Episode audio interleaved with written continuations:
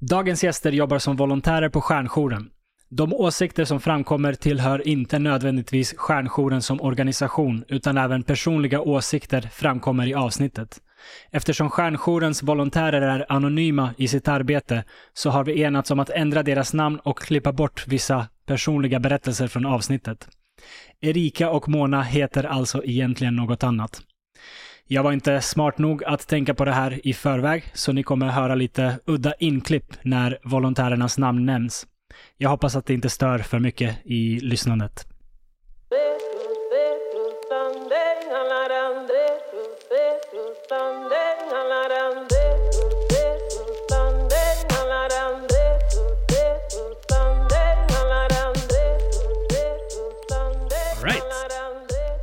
Sitter här idag med Stjärnjouren. Eh, vi gör någonting nytt på Joshes podcast idag. Första gången på, eh, podd, i poddens historia som vi är fler än två personer i ett samtal. Välkomna Mona och Erika. Tack så mycket. Tack.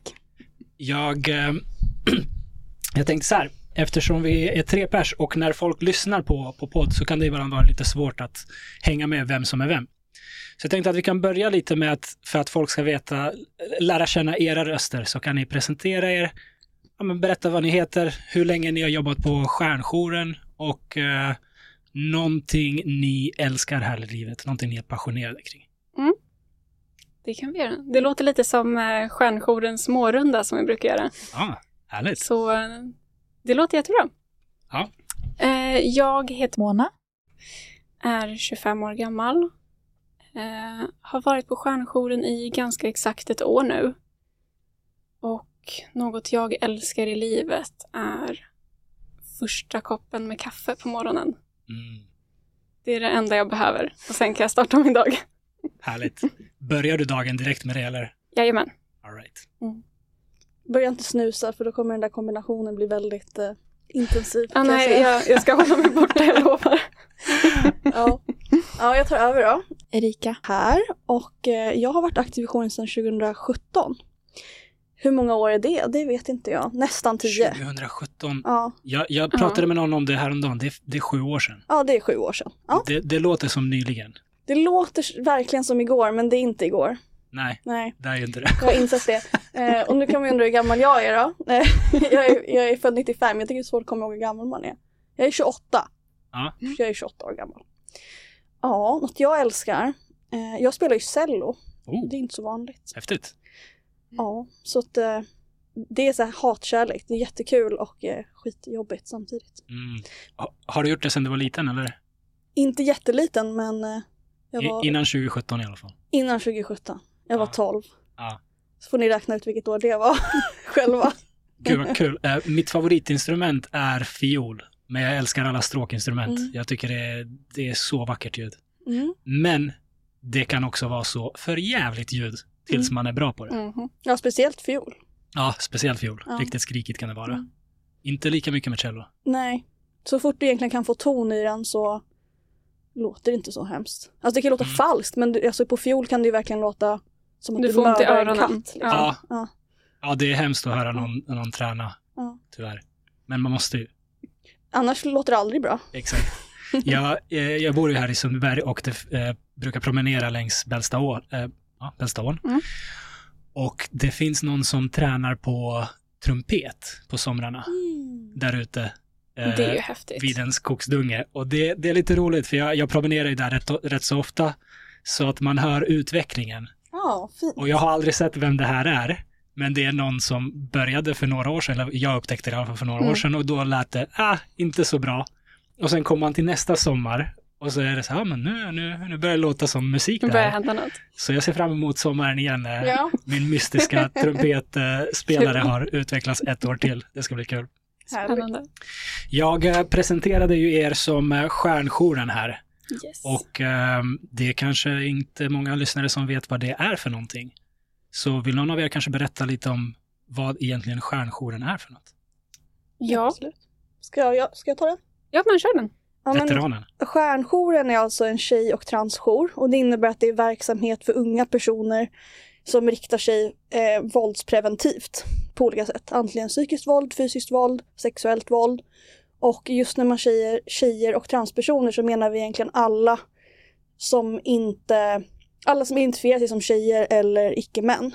Mm. Eh, så att gruppen är ganska stor. Ja. Och så gör vi både verksamhet eh, i person, att vi träffar folk och gör olika saker i skolor och så. Och sen har vi chatt som man kan kommunicera med oss anonymt. Alla som är aktiva måste vara över 18. Eh, generellt över 20 är vanligaste. Så de flesta som är aktiva är mellan kanske, jag skulle säga 20 och 30. Mm. Eh, det är den vanligaste åldern att vara aktiv. Och sen har vi folk som är anställda också för att vi tar emot bidrag. Eh, både statliga bidrag och kommunala bidrag så att vi kan ha personal som hjälper till med att vi kan ha lokal och sånt. Men det betyder att 99% av vår verksamhet är ju volontärt. Så vi två som är här idag är helt, Mm. helt volontärt arbete. All right. Och hur många är ni? Så ibland är vi upp mot 100, ibland är det kanske ner mot 30 som är aktiva. Mm. Ja. För att det beror ju lite på eh, både hur Alltså lite hur konjunkturen ser ut kan man säga med hur folk orkar vara aktiva. Mm. Oftast är ju folk aktiva när de inte har ett fast arbete som är 9 till 5 eller småbarn. Mm. Så där kan man ju se ganska mycket att när folk, om någon gick med när de hade två år kvar av universitetsstudier så är det Mm. ganska vanligt att de droppar av kanske ett år efter för att det, man har inte samma tid Nej, eh, för sitt engagemang ofta. Mm. Sen finns det ju folk som jag som började när de redan jobbade heltid, har lagt det på en nivå som fungerar för mig Mm. och som har fortsatt. Mm. All right. Eh, medlemmar sa ni. Mm. Vad, vad innebär det att vara medlem i Stjärnjouren? Att det är en förening som du måste gå med i. Ehm, Så vi har årsmöten där man helt enkelt eh, säger jag vill vara aktiv och då eh, säger man också ja till ett vad är det vi kallar det för? Jag kommer inte exakt ihåg. Ett sedan. medlemskap. Ja, alltså vi har som en så här, ja men så här mycket förväntar vi oss som Mm. minst att du ska vilja vara aktiv för att du ska vara medlem. Mm. Okej. Och det är typ två gånger i månaden. Sen betyder inte det att du kommer vara det alltid, men du Nej. har som målsättning att vara det. Okej. Eh, så säg att någon sen behöver vara inaktiv i ett halvår för att de ska göra något speciellt eller så, så går det. Eller som jag som har varit utomlands och inte, och inte kunnat vissa perioder. Men vi har som målsättning att de som är medlemmar ska vara aktiva och ska vara intresserade av verksamheten. Så kanske inte bara vara, vara där på den grejen de gör utan också vara intresserade i föreningen och vilja att vi ska utvecklas och vara engagerade liksom i, i föreningsarbetet. Typ se till att vi kan vara med i poddar eller stå Mm. på marknader. All right. Så som medlem kan man alltså göra annat än att vara vad ska man säga, tillgänglig på den här chatten eller så. Det, det finns annat man kan hjälpa till med som medlem. Ja, du kan göra vad som helst egentligen. Ehm, så länge det är knutet till jouren. Så jag menar, men typ vara med på Sundbybergs julmarknad. Du kan vara med i själva styrelsen i föreningen och bara sitta där som ledamot eller Mm. kandidera till ordförande om du känner för det. Ehm, sitta i kontaktjouren, vara med i workshops i skolor. Mm. Det, ja, det finns inga begränsningar. All right. Ja, på tal om uh, Sundbybergs julmarknad, det var ju där jag Mm. stötte på er. Shoutout till er kollega Hanna som var jättetrevlig. Ehm, och ja, tog kontakt, eller jag tog kontakt med henne och vi tyckte det var intressant att ta med er på podden. Och nu är vi här. Mm. Nu är vi här. Jag är, jag är jätteglad att ni, ville, att ni ville vara med. Jag, eh, som jag nämnde innan vi började spela in, jag tycker det är superkul att prata med folk som gör häftiga saker. Det är hela anledningen till att den här podden existerar. Jag, jag ville bara ha fler samtal med fler intressanta människor. Och så fort jag såg eh, Hanna då på djurmarknaden så tänkte jag, ah, okej, det, här var, det här var jätteintressant. En eh, tjej och transjour i Sundbyberg, jag visste inte ens att det fanns här.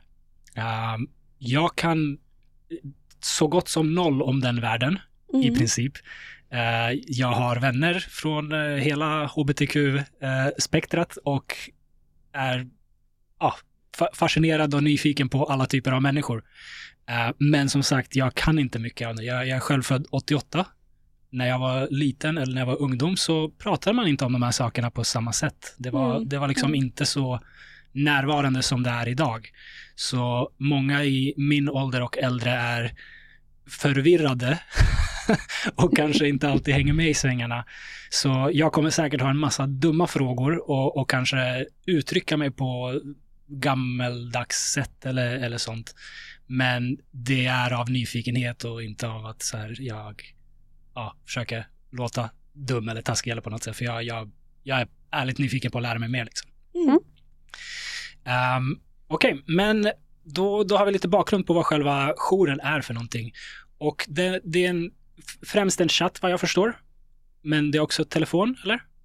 Det går upp och ner om vi har telefonen igång eller inte. Mm. Eh, så i vissa år har vi alltid telefonen igång när vi har chatten igång och vissa perioder har vi den inte igång. Det beror på först och främst om det finns någon som kan ta telefonen. Om vi Mm. har tillräckligt många. För chatten måste vara, där har vi liksom committat till att den ska vara på de timmar vi har sagt. Så att Mm, mm. säg att vi bara är två personer som sitter den dagen och vi räknar med att det kommer bli fullt i chatten, då kan vi ju inte prioritera telefonen över det. Ehm, och sen beror det också lite på hur vana folk är. Som jag som har suttit nu då i sju år som vi kom fram till, har suttit ganska mycket i telefon. Och ofta de som ringer gör det med ganska tuffa ämnen. Det kan vara saker Mm. som suicid, det kan vara aktiva våldsbrott som sker mot personen. Och det är kanske ingenting man tar sitt första månad som jouraktiv. Och det är kanske ingenting man tar om det bara är en annan person i rummet, för då kan inte den personen stötta dig eh, efteråt till Precis. exempel. För vi har som målsättning att efter ett samtal så ska det finnas en annan person i lokalen som du kan debriefa med. Eh, Eftersom att våra samtal är anonyma och vi har ingen anmälningsplikt så landar det ju ofta i att efter ett samtal så måste jag han, själv hantera Mm. vad hände egentligen? För jag kan inte lägga det på någon annan. Jag kan inte ringa polisen och säga nu får ni gå dit eller någonting Mm. utan de ringer ju faktiskt till oss för att de får vara anonyma. För att vi är den, ofta den första kontakten man vågar prata med. Just det. Ehm, så att som sagt, det beror lite på, men målsättningen är att ha telefonen igång. Okej. Mm. Just nu har vi inte det. Ja. Och det är lite det- coronarelaterat också, att efter Ja. corona så har vi inte kommit tillbaka 100% till kontoret. Mm. Och eftersom att vi inte är på kontoret tillsammans, då kan vi ju inte ha telefonen igång. För då är du ju ensam. Medan i Precis. chatten, då kan vi kanske ta ett videosamtal tillsammans och debriefa tillsammans och kanske ha en chatt igång med varandra. Ja. Men det är inte samma sak att göra det om du precis har haft en två timmars långt telefonsamtal med någon som är mitt uppe i ett suicidförsök. Eh, då, då blir det en helt annan grej. Då, då har vi det kravet på att då ska vi vara två personer som kan ses face to face och debriefa. Precis. Det låter som att det kan vara väldigt, väldigt tuffa samtal och situationer där. Mm. Mm. Finns det något mer, vad ska man säga, mer krav än att man ska vara över 18 år? Det, det är inte alla som kan hantera den här typen av samtal. Vi går ju utbildningar. Så för att få vara jouraktiv så måste du ha gått vår grundutbildning. Okej. Antingen i själva eh, vårt då kontaktjoursarbete, det som är chatt och telefon. Eller i det utåtriktade arbetet där vi är på skolor och gör workshops i våldspreventivt arbete. Så det måste du ha gått till att börja med. Sen Mm. får du inte sitta själv förrän du har varit med x antal gånger tillsammans med någon annan och då sitter du bara bredvid. Mm. För att få se olika situationer, kunna diskutera hur känns det och sen när du väl börjar sitta själv då ska det också finnas någon annan bredvid som, som kan hoppa in och hjälpa dig när som helst. Mm. Så det krävs ganska många tillfällen av att du är aktiv innan du är självgående så att säga. Mm. Innan vi förväntar Precis. oss att du ska kunna klara av de här frågorna. Eh, och sen har också våran jour varit med och byggt upp ett kompendium i ett upplärningsarbete. Så att du har hela tiden tillgång till ganska mycket material så att du behöver inte kunna så här, för hur hanterar jag ett suicidsamtal? Utan utöver att vi har pratat om det i kursen så att säga, i det liksom utbildnings, så har du material framför dig där du så här, kan bläddra fram och vara så här, just det, det här, är- Mm. så här gör vi när det händer. Mm. Och det här kan jag göra för mig själv också efteråt. Ja, jag kan tänka mig att det är en sån där situation som är innan man är i den vet man inte riktigt hur man hanterar det. Även om man har läst och, och, och gått Mm. utbildningen så måste det vara en, något av en chock att prata med någon som eventuellt, ja, som du säger, är i su- suicidsituation.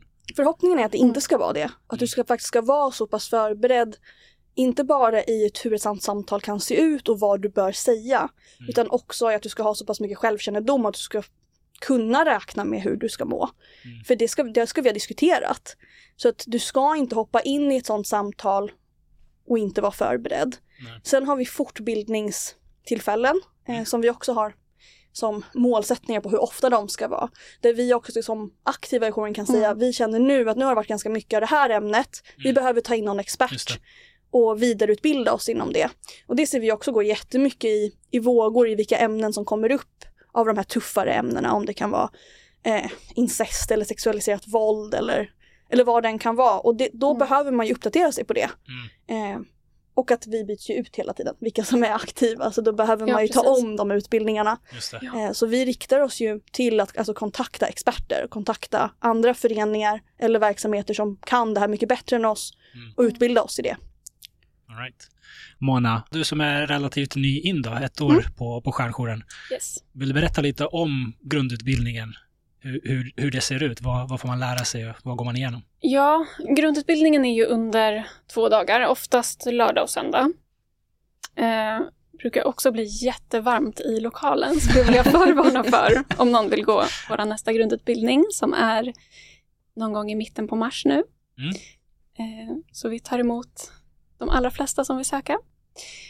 Eh, men den är ju som sagt under två dagar och dag ett är ganska intensiv. Det är mycket information, det är liksom det är ganska tunga ämnen vi pratar om. Alltså det är i princip bara våld hela dagen. Ehm, men det som är skönt är att de som jobbar på Stjärnjouren har också förståelse för att det kommer vara tungt, det kommer vara jobbigt och det är okej att, ja, men det är okej att gå ut en stund och ta en paus. Ehm, men också att vi alltid checkar in med varandra. Hur känns det här? Vad har ni för frågor? Vad känns jobbigt? Är det någonting som vi har missat att ta upp som ni vill prata om? Mm. Ehm, så det är en intensiv utbildning. Jag tänkte men- precis fråga, kan, det bli väldigt emotionellt redan där? Mm. Ja, det skulle jag säga. Mm. Ehm, så jag tänker väl att klarar du grundutbildningen, Mm. då klarar du nog det mesta. Mm. Men Ehm, nu, nu låter det som att det här skulle kunna vara extremt jobbigt. Det vill jag ändå inte påstå att det är. Nej, nej, absolut vi är en inte. ganska liten grupp. Eh, alltså, Mm. Säg att det skulle vara 25 personer som vill gå utbildningen. Mm. Då delar vi upp det. Vi kan inte vara 25 personer Nej. som tar ämnet för du kan Nej, nej. inte titta folk i ögonen och vara så pass närvarande som utbildare. Jag har hållit flera delar av utbildningen och jag vill kunna se på personerna att så här, behöver vi en extra paus? Mm. Det klarar du inte när det är mer än typ sex personer i rummet. Mm. Så då delar vi upp det. Och Mm. även om det är intensivt så är tempot relativt lågt. Det är inte så här att Mm. nu ska vi korvstoppa med information utan märker vi att nu, nu känner man i luften att det börjar bli tungt här. Då får man fundera. Vi kanske behöver ta ett, tredje tillfälle. Mm. Eh, efter Mm. en helt annan till helg. Eller en fortdjupningshelg om vissa ämnen. Så det kan också bli att de deltagarna som är där har väldigt mycket frågor om ett ämne. Precis. Då kan vi direkt på plats bestämma, okej så fort den här kursen är slut så kommer vi boka in ett till tillfälle där vi Mm. går in djupare på antingen ett annat ämne som vi inte hann med eller eh, nuvarande ämne. Mm. Eh, men tanken är att när den är klar den helgen, då ska du som har varit där veta om du vill fortsätta och vi ska veta om du är rätt person för att eh, kunna Precis. göra det här. Ja. Ja. ja, det är det jag tänkte på också. Det, det finns ju en vits i att grundutbildningen är tuff, även om det inte är som du säger, att man, att man vill göra det tufft, men så Mm. kan det ändå vara bra för att vad som är jobbigt är, betyder olika för olika, sak, eh, för olika människor. Precis. Och det, det är också upp till de som är på grundutbildningen Mm. vad vi pratar om. Ehm, vi gick ju alltid över tiden på min grundutbildning för att vi hade så mycket att prata om och vi hade så mycket att diskutera. Och det var jättekul, men det gjorde också Mm. att vi fick ta flera fördjupningskvällar. Ehm, och det skulle jag bara säga till vår fördel.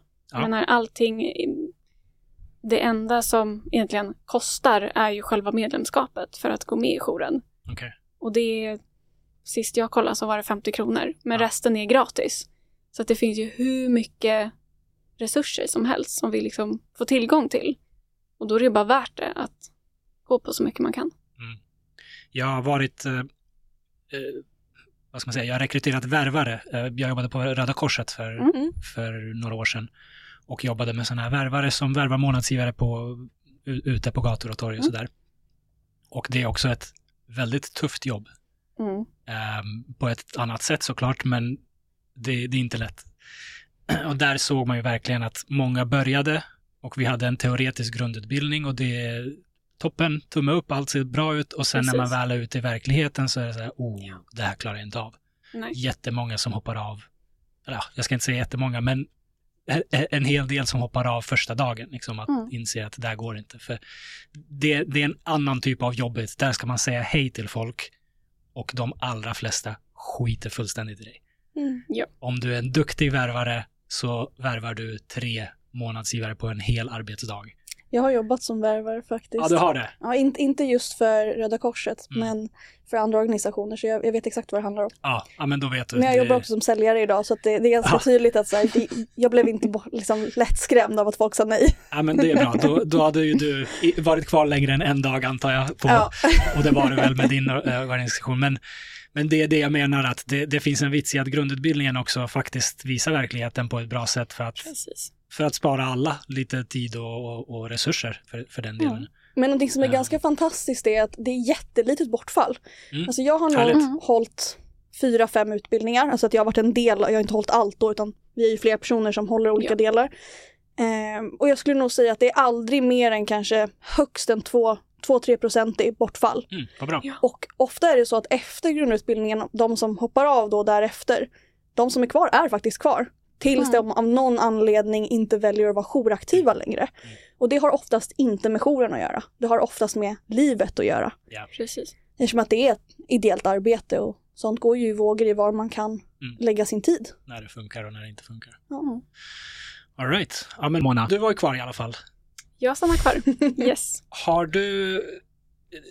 Så, det, Erika nämnde det, att i början kanske man går sida vid sida med någon. Mm. Ehm, och sen får man jobba själv. Hur, hur länge gick du sida vid sida med, med någon annan? När började du ta fall själv? Ja, så jag satt ju bredvid en anställd två gånger. Mm. Det är minimum. Det är ändå inte jättelänge. Det är inte jättelänge. Eh, och då är det ju två timmar per tillfälle. Eh, och då får man ju, du får ställa hur många frågor du vill.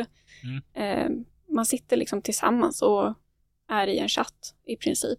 Ehm, och tredje tillfället då fick jag liksom eget inlogg till vårt chattverktyg och då satt jag bredvid en anställd. Och då kunde jag ändå bolla idéer. Mm. Ja, men typ, känns, är det här okej att skriva? Kan jag ställa den här typen av fråga? Ehm, och där fick man ju... Alltså, det är väldigt learning by doing. Mm. Och jag märker att sättet som jag chattar på inte är samma sätt som, ja, som Erika. chattar på eller som någon annan av volontärerna chattar på. Mm. Utan vi är olika även om grunden är densamma. Ja. Vi har ju samma grund som vi ska utgå från såklart. Eh, Men det är också det som är ganska skönt att du har din egen stil i hur du chattar. Jag tänker att det är det som gör att många vill prata med oss för att du, det, du, du är inte så som till exempel en personal, en vårdpersonal eller skolpersonal som har en agenda. Du är Utan- ingen robot. Nej, utan du kan vara väldigt privat samtidigt som vi avslöjar ju inte våra identiteter. Nej. Vi kommer inte gå in på vilka vi är, men hur du skriver och hur du väljer att svara, det ska kännas som att du pratar med en kompis. Det, det, det är hela Precis. meningen.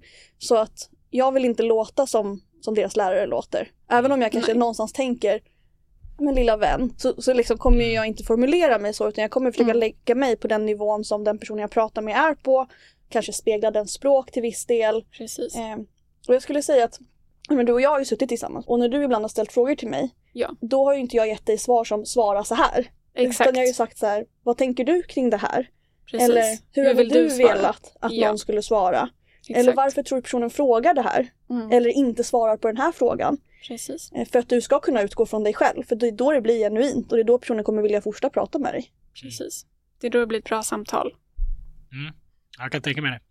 Ehm, hur stor, det kanske är svårt att svara på, men ni, ni nämnde några väldigt, väldigt tunga ämnen. Mm. Suicid och, och, och våld och incest. Det, det är jättetuffa saker att prata om. Är det majoriteten av samtalen eller är, mycket positivt, glad, glada samtalsämnen, folk som bara vill dela med sig av någonting kul eller hur, hur ser det ut? Liksom? Oj. Det, det går jättemycket upp och ner. Vi för Mm. viss statistik internt för att få en förståelse av vad vi behöver veta och kunna. Men under en och samma kväll, och en snitttid för att sitta är tre timmar. Eh, Ja. för att när vi sitter med personal, då är det när de jobbar. Och de, då är det, de jobbar två timmar efter vanlig arbetstid så att säga. Precis. Men vi sitter tre timmar när vi sitter utan personal.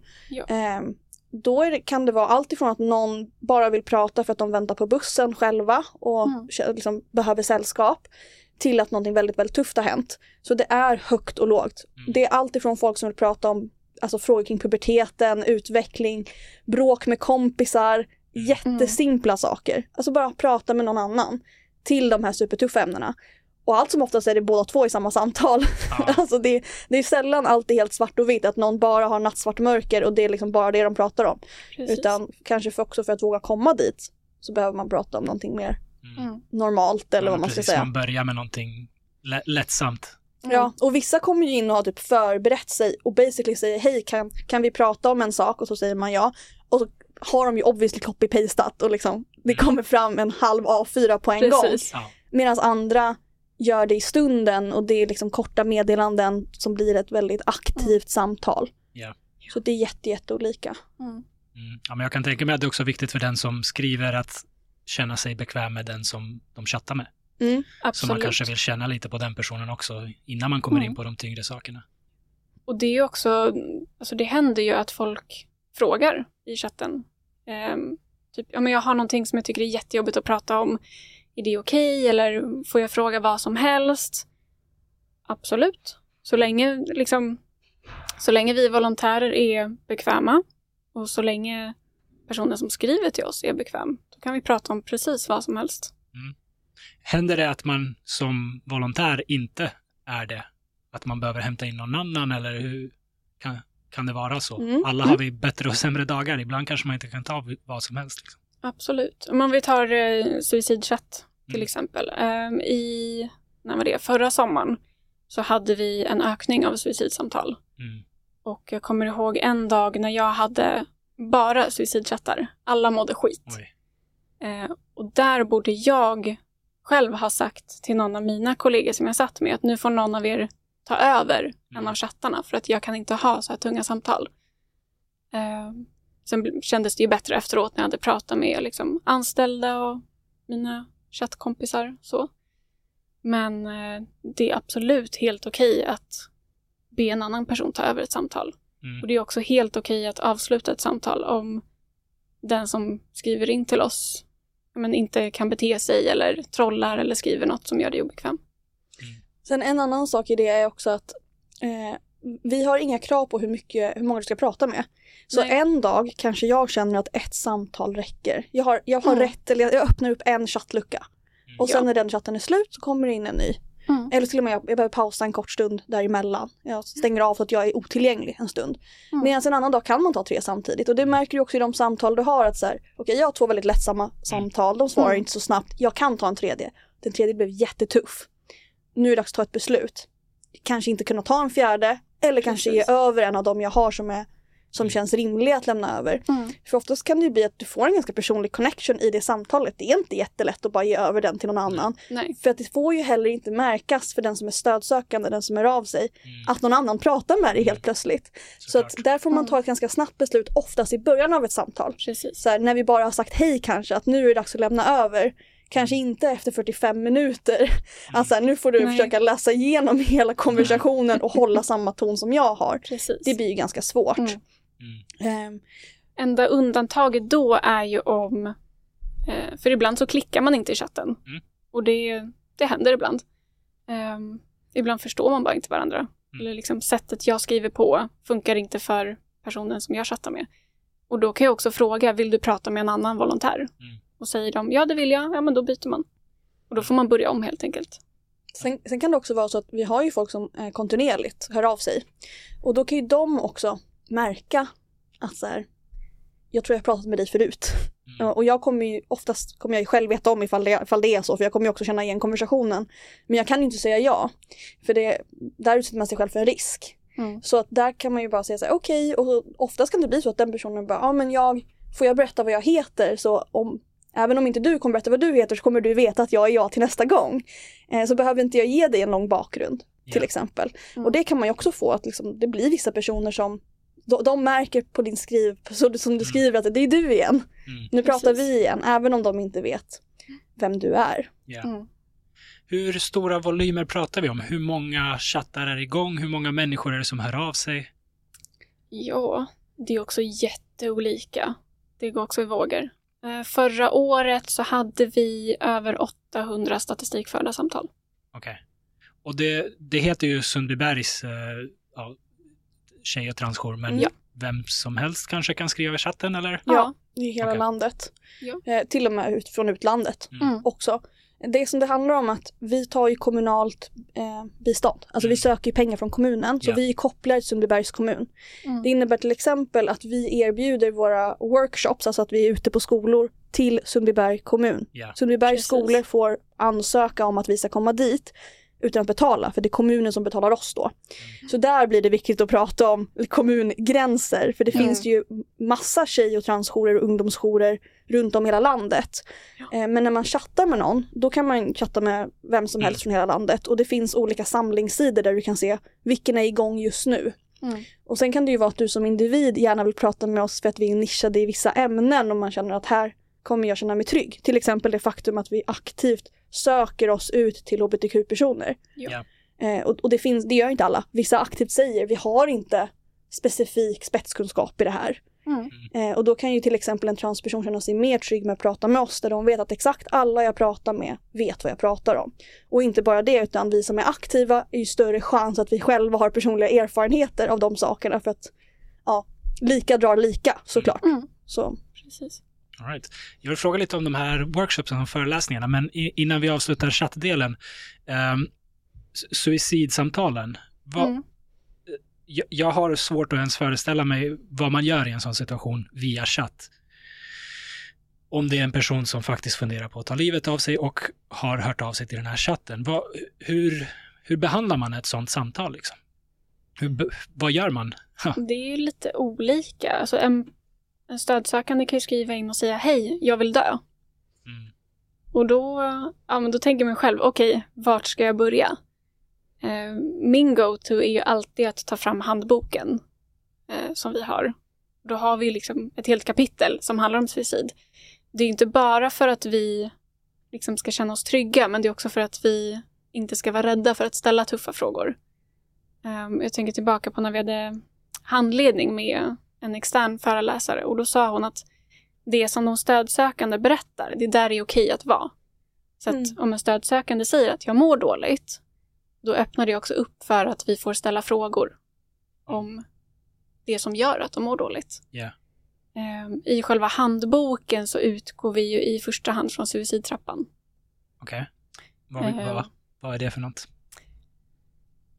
Bra fråga. ja, men den beskriver lite hur allvarligt läget är och Ja. vart man ska ta det. Okej. Och också Precis. vart vi ska säga jag tycker att du måste kontakta 112. Ja. Eh, också kunna säga, här har du information till andra som eh, du kan ringa efter oss, som du kan ringa Mm. telefon, för vi är ju bara öppna specifika tider. Mm. Så säg till exempel att någon skriver in och säger hej jag vill dö. Eh, en ganska vanlig början är att säga, är det något specifikt som har hänt just nu? Mm.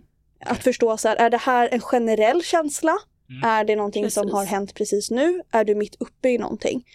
Eh, och förstå vad är det personen vill med att säga det här? För ibland kan det ju bara vara ett uttryck för att jag vill beskriva mitt allmänna mående. Ja, men precis. Eh, så bara att- ett, som man säger, jag mår skit, jag vill, jag vill dö. Ja, Liksom inte att bara som man säger, man kanske genuint känner så. Alltså Mm. det, det kan vi ju anta att personen Mm. känner så. Mm. Eh, men att försöka landa i att jag vet faktiskt ingenting om situationen. Jag behöver inte bygga upp ett scenario i huvudet. Nej. Jag kan försöka Ja. se vad personen vill berätta för mig och se vad vill den få ut av mig. Mm.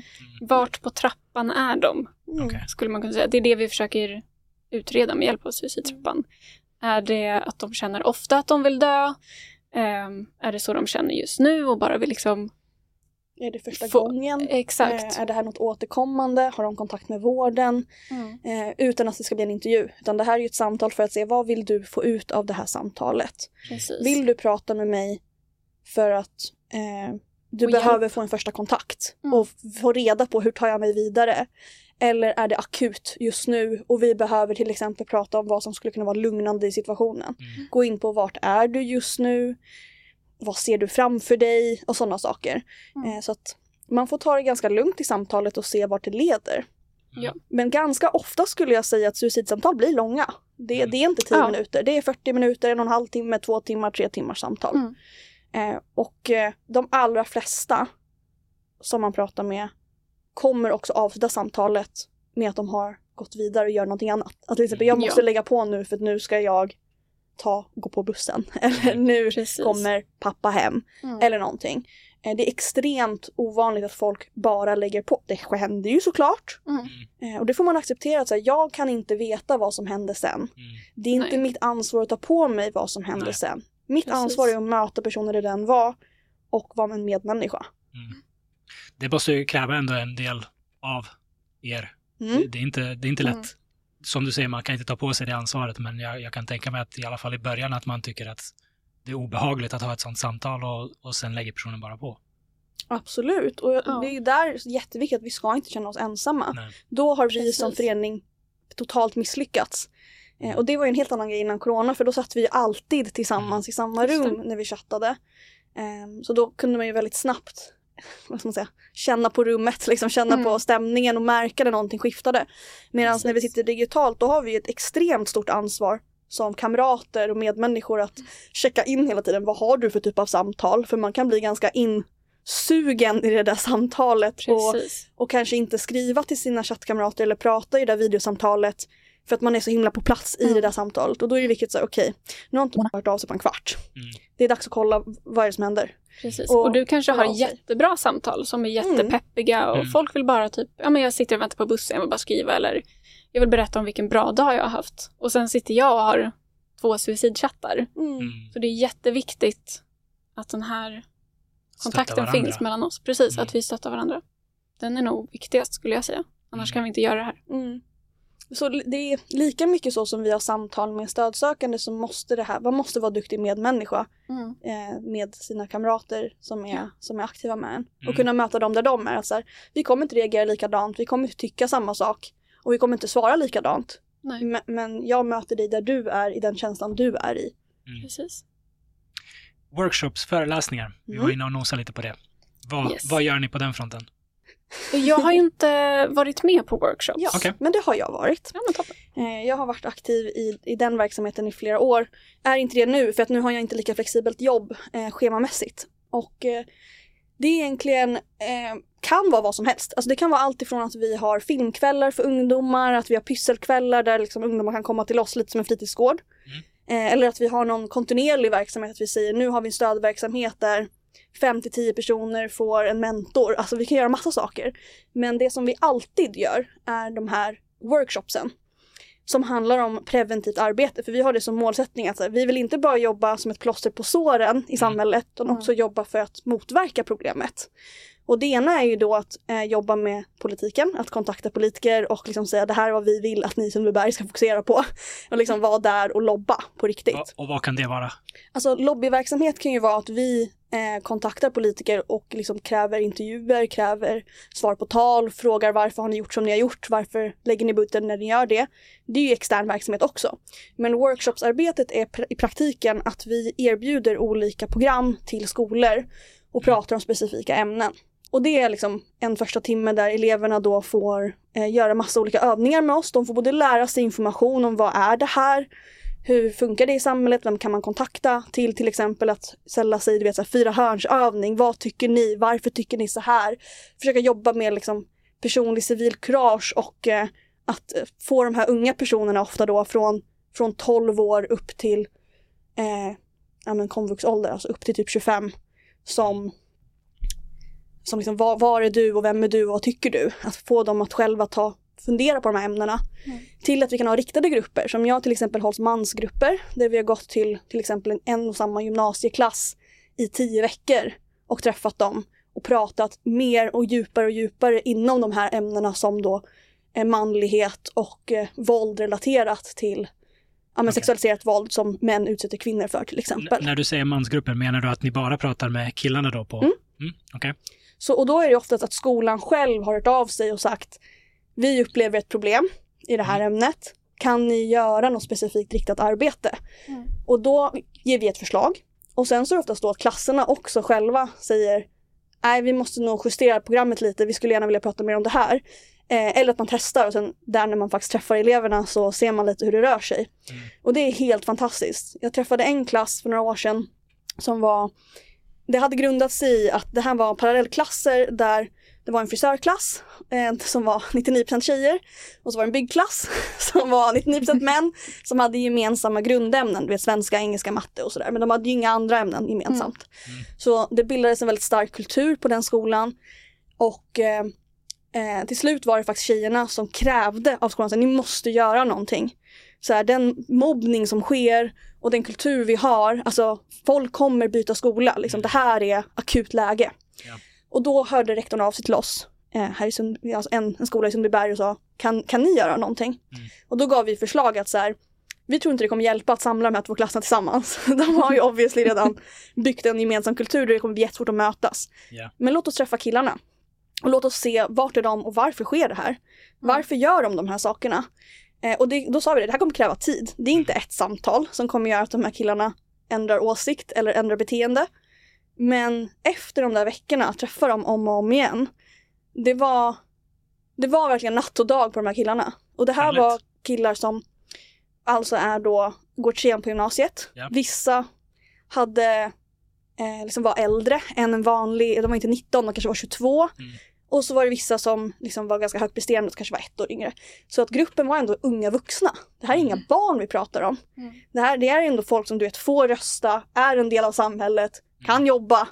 Mm. Eh, och det, det var faktiskt väldigt, väldigt rewarding så att säga, tillbaka som, som ledare av det samtalet att kunna gå in där och säga jag är inte lärare, jag kommer inte betygsätta dig. Om Mm. du stör så kommer jag be dig gå för att jag är här för din skull. Mm. Jag är här för att jag genuint vill ha ett samtal med dig. Om du inte vill det, alltså Så varsågod behöver och gå. här. Mm. Mm. Men det fina i grupptryck är att när hela din klass sitter där, folk går inte. Mm. De kanske vågar gå ut tio minuter för att du vet, verka ball. Ja. Men sen kommer till de vecka tre och då är det inte lika ballt att inte komma längre. Ja. Stannar alla kvar. Då stannar alla kvar. Så det där sista samtalet var, eh, det var många av killarna som bara, jag hade de här förutfattade meningarna av att ni skulle komma hit och berätta för oss hur vi ska vara. Mm. Men det var inte det vi gjorde. Utan vi hade ju väldigt öppna samtal. Och mycket grundade sig i de här fyra hörnsövningarna. Kanske börja med det. Och sen faktiskt gå in på våldstrappan, prata om statistik kring våld. Mm. Och prata om varför har de de eh, förutfattade meningarna eller den moralbild de har. Var kommer det ifrån? Vad leder det till? Hur hjälper eller skadar de som individer? Speciellt i frågan om manlighet. Eh, så så vi, vi kan göra väldigt, väldigt mycket olika saker. Ja. Helt Gud, enkelt. gud vad intressant. Kan, kan du ge något exempel på vad- hur det såg ut i den här gruppen Mm. när ni kom? Vad, vad, kunde folk göra? Vad kunde folk säga? Ja. Och hur det såg ut när ni var klara där? Ja, vi var tre personer som skulle leda det här samtalet som altererade, så vi var alltid två Mm. personer som höll i det, men vi var, någon vecka var det den ena och sen den andra. Och vi var väldigt olika personer, så det var jag, och för att ge er en beskrivning av mig så är jag... Jag tänkte på de här grabbarna. Jo, men jag tänker att det här är Aha, viktigt för okej. att ni ska förstå hur de betedde sig. Okej. Mm. Jag då, som har invandrarbakgrund, som är relativt nära dem i ålder, alltså jag är väl typ knappt tio år äldre än dem. Mm. Eh, som de kan ganska lätt identifiera sig med Mm. mig, bara av att se mig. Förutom det att de antar att jag identifierar mig som kvinna, de antar att jag är straight. För Mm. att bara jag går in där och har långt hår, typ, det räcker. Och sen var det nästa person som var liksom en vit snubbe i universitetsålder, som var ganska mycket inte det de är. Som har liksom, kommer in med liksom en helt annan outfit än vad de kanske skulle välja på sig.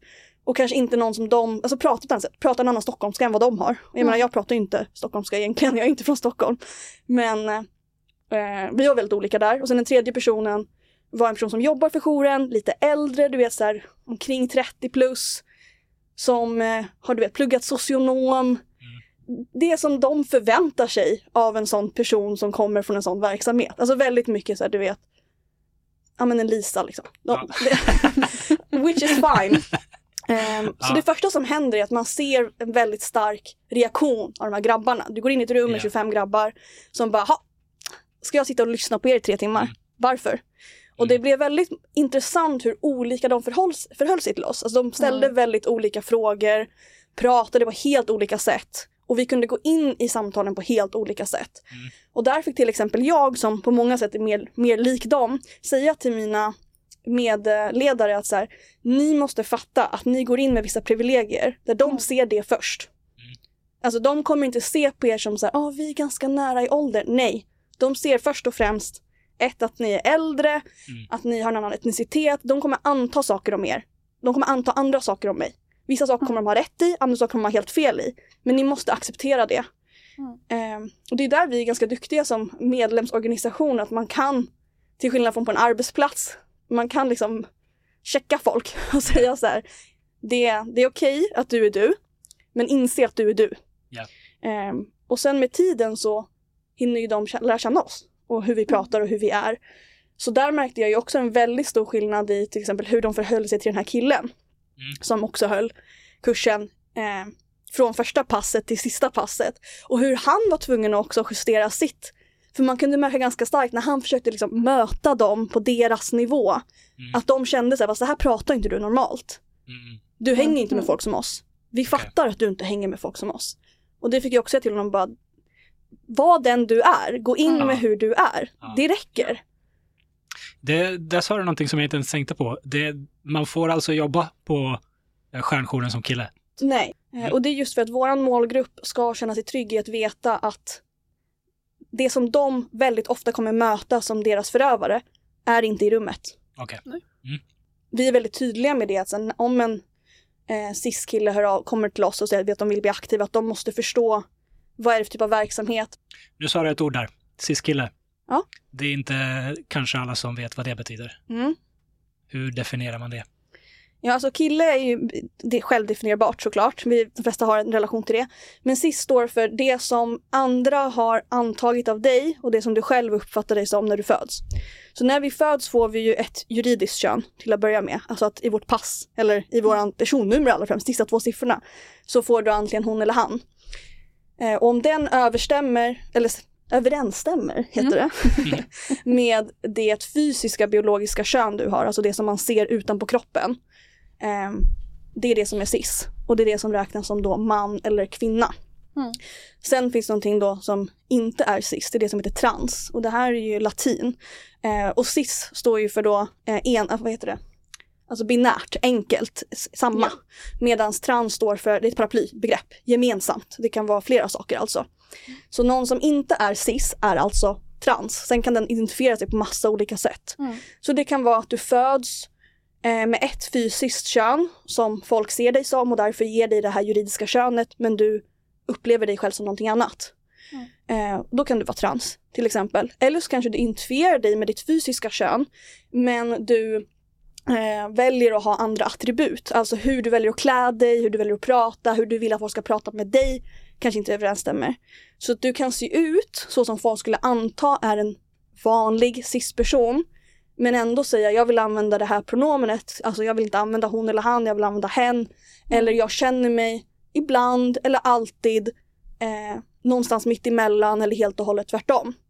Så det finns, i, i transbegreppet finns inget krav på att du ska vilja vara det du inte föddes som. Utan du kan vara på hela spektrat. Mm. Medan cis är, du känner dig som samma sak som andra ser dig som, som är samma sak som du fysiskt har fötts med utanpå kroppen. För att sen kan du ju innanför kroppen, kromosomer då, kan ju ha en jättestor variation. Mm. Generellt, de allra flesta, är ju XY eller XX. Men det finns också personer som ses som tjejer som har XY. Och det finns också personer som ses som killar som har andra kombinationer, typ XXY och så. Helt naturliga eh, variationer i naturen som finns hos människor och alla andra djur. Men de allra vanligaste är XXXY som vi lär oss i skolan, liksom biologin. De, de Mm. gamla goda. Ja, men de är tyvärr inte så vanliga som man Nej. tror och det gör att eh, folk inte vet om det här. Mm. Det kan ju vara väldigt förvirrande för folk som inte Mm. har lärt sig det här ordentligt. Mm. Det här ska man ju lära sig i skolan idag. Gör man det då? Eh, ja, till viss, det beror på vart i landet du är eh, och så, men om man tittar i läroböckerna så står det ju inte idag det finns XY och XX and that's it. Utan de ska ju säga att det är en variation, Mm. en naturlig variation, men vi rent socialt och legalt, juridiskt, Mm. delar in oss i Sverige idag i två kön. Men, Mm. men de, är det inte så att en överväldigande majoritet av kromosomsättningar är just XX, XX eller XY? Absolut, men naturliga variationer förekommer. Mm. Och det betyder inte att de individerna eh, behöver ha ett avvikande beteende. Nej. Alltså att de ser annorlunda ut, har en Mm. annan hormonell funktion. Det finns också och Mm. det kallas intersex. Ja. Det är folk som då inte har en tydlig uppdelning eller har en blandning. Så det kan vara att du föds med testiklar och en eh, Livmoder. livmoder till Mm. exempel. Och där du till exempel kan ha en fullt fungerande kvinnlig hormonell utveckling och dina testiklar fungerar också. Ja. Så det finns en stor variation. Men idag i Sverige så delar vi upp det i två juridiskt. Och det innebär att läkarna, förhoppningsvis i samråd med föräldrarna, väljer ett kön åt dig när du föds. Baserat på det de tycker att du ser mest ut som. Eller det de tycker är enklast. Mm. Så det betyder att de kan göra en könskorrigering på dig som bebis.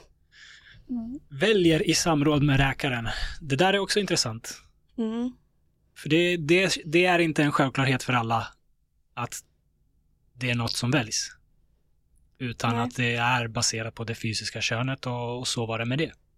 Mm. Ja men tänk då till exempel att du föds eh, med vad läkarna anser är en några millimeter för kort penis. Mhm. Och eh, det görs ingen röntgen, det görs inget DNA-test för att se vad du har för kromosomer. Mm. Utan de kommer fram till att eventuellt kanske du kommer ha eh, svårare att utveckla eller lägre chans att utveckla helt normal funktion. Mm. Där kan då läkaren säga, Mm. vi antar att den här personen är intersex. Eh, Okej. Så då tänker vi göra, eh, ta ett beslut på det här. Men, men det är det jag menade innan med, med överväldigande är väl XXXY. För just intersex vad jag förstår är ju, eh, och det är inte för att för, försumma någons liksom Mm. verklighet och liv, utan, men, men det är något som inte är så vanligt förekommande under en promille vad, vad jag har Jag läst. tror att det är upp till 3 procent av, Är det så pass? ja, av befolkningen, alltså världen över, som eh, är intersex. Okej. Sen igen, det kan ju Statistiken, Med variationer. Ja, och statistiken på det här är ju svår att säga för det kan ju Mm. vara folk som då när du föds blir du inte diagnostiserad som intersex. För att dina externa eh, genitalier. Ser fungerande ut enligt vad man anser är på en nyfödd bebis. Kom ihåg nu, det här är Mm. väldigt små kroppsdelar. Mm. Och sen så faller inte testiklarna och då gör man en utredning och ser att det finns inga testiklar. Alltså, det kan komma mycket senare. Ehm, och också görs det val så kan det också vara en sån del att man gör en förväntnings, förväntansbild och säger eh, vi anser att det kommer vara enklare för den här personen att falla inom ett kvinnligt spektra så vi kommer ge den hormonhämmande så att inte testosteronet utvecklar sig och vi kommer att eh, operera personen Mm. som barn som inte har kunnat ta ett eget aktivt beslut. Ehm, Hur gamla pratar vi om nu? Jag kan inte det hur det ser ut i Sverige och det där varierar ju på individ till individ men det här, de flesta som jag känner till, det är i bebisåren. Att man kan behandla bebisar redan med, med hormoner? Nej, eh, med operation. Med operation? Mm. Okej, ja, det hade jag inte ens hört talas om. Jag vet att debatten har varit, ska man få behandla eh, från 12 år med hormoner? Att Men det är ju två olika redan saker, där. det är en fråga om Mm. transpersoner. Mm. Ja. Eh, transpersoner har ju alltså inte en medicinsk avvikelse. det här är i, i sina genitalier. Mm. Mm. Utan, är eh, sen kan det ju vara så att du kan vara intersex och därför ha mycket gemensamt med en transperson. Mm. Att du kan ha gemensam upplevelse av livet. Mm. Att du till exempel eh, har en kontakt med vården. Att du kan ha eh, en, eh, en resa i att förstå vad har jag för relation till mitt kön. Mm. Alltså inte då fysiska kön eventuellt utan kanske mer din, din sociala roll i så här, Mm. vill jag att folk ska se mig som hon eller han eller vad vill jag att folk ska se mig som? Mm. Och att den kan vara mer komplicerad än för en person som inte då är intersex. För att de frågorna aldrig kommer upp. Det är ju extremt få som tänker efter eller som får frågorna som barn, vad upplever du dig som? Mm. Utan man förväntas passa in och förväntas uppfylla de krav socialt som den roll du har fått tilldelad ska vara. Mm. Medan personer som är intersex, om de vet om att de är det, om de får reda på det, har ju ett större, en större möjlighet att själv fundera. Håller jag med om det här som någon annan bestämde om åt mig? Mm. Och ofta kan de också dela då eh, känslor av eh, att någon annan tog beslutet åt dem, så som en transperson kan uppleva det. Så, upp, så vad kan man säga? Relationen till samhället kan på många sätt likna varandra, men det är två separata upplevelser. Mm. Och det är också därför när man säger HBTQ på svenska så är det också vissa som lägger till AI. Eh, för idag är det generella begreppet var HBT och sen blev det HBTQ. Mm. Och sen idag pratar man ofta HBTQAI och I då står ju då för intersex. Ja. För att de tillhör inte paraplyt trans. De kan ha mycket gemensamt med dem, Mm. men de är inte transpersoner. De, de har ju en egen relation till, till Okej. sin upplevelse. Så, så om jag har förstått det rätt nu, ni får, ni får rätta mig om jag har fel här. Absolut. Intersex handlar mer om det biologiska. Det handlar om kromosomer och eh, fysiska liksom, könsorgan eh, organ Och hormoner. och hormoner. Um, medans cis-trans handlar mer om identitet, det man känner sig som, det Mm. andra Mm. ser en som till viss del också, Det sociala könet. det sociala könet. Mm. Okej, så jag har uppfattat det rätt. Ja. Ja, men det är bra. Framsteg. Vi går framåt. Sakta men Jag vill säkert. bara nämna att intersexpersoner kan också identifiera sig som transpersoner eller icke-binära Mm. personer. Så det är inte som att de två inte, eller aldrig överlappar varandra. Mm. Ehm, Men för sakens skull så är det också viktigt att göra den uppdelningen samtidigt. För Mm. att, som du sa, det är två olika upplevelser. Till exempel statistiskt sett så ska det ju vara två olika saker.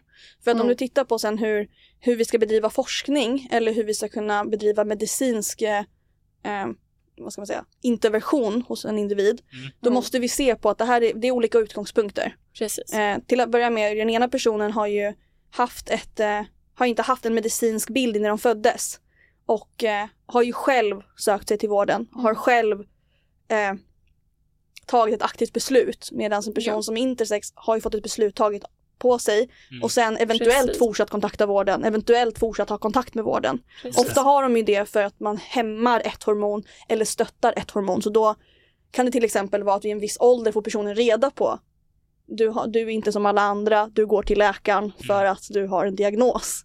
Mm. Så är det ju inte hos en transperson. De söker sig till vården om Just de det. vill ha kontakt med vården. Om de vill. Ja. Du, du behöver De ju inte som transperson vilja det. Mm. Ja, exakt. Okej. Mm.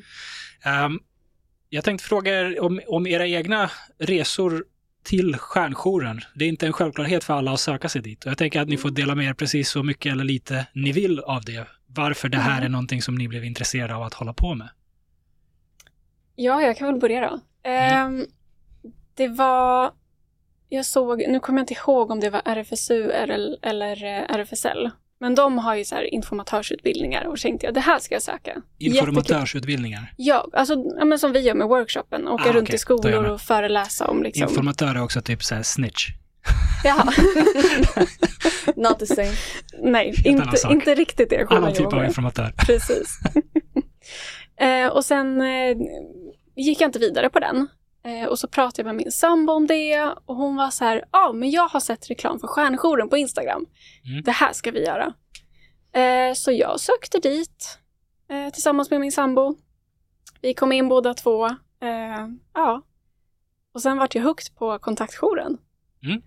Det var, Så- det var så enkelt. Du bara Det var så kände att det här är enkelt. någonting för mig och så gick du på det. Exakt, det var någonting som vi ville göra tillsammans. Ja, Ja. men ska jag gå in på min Ja, resa då? berätta om, berätta om Eh, det. ganska annorlunda.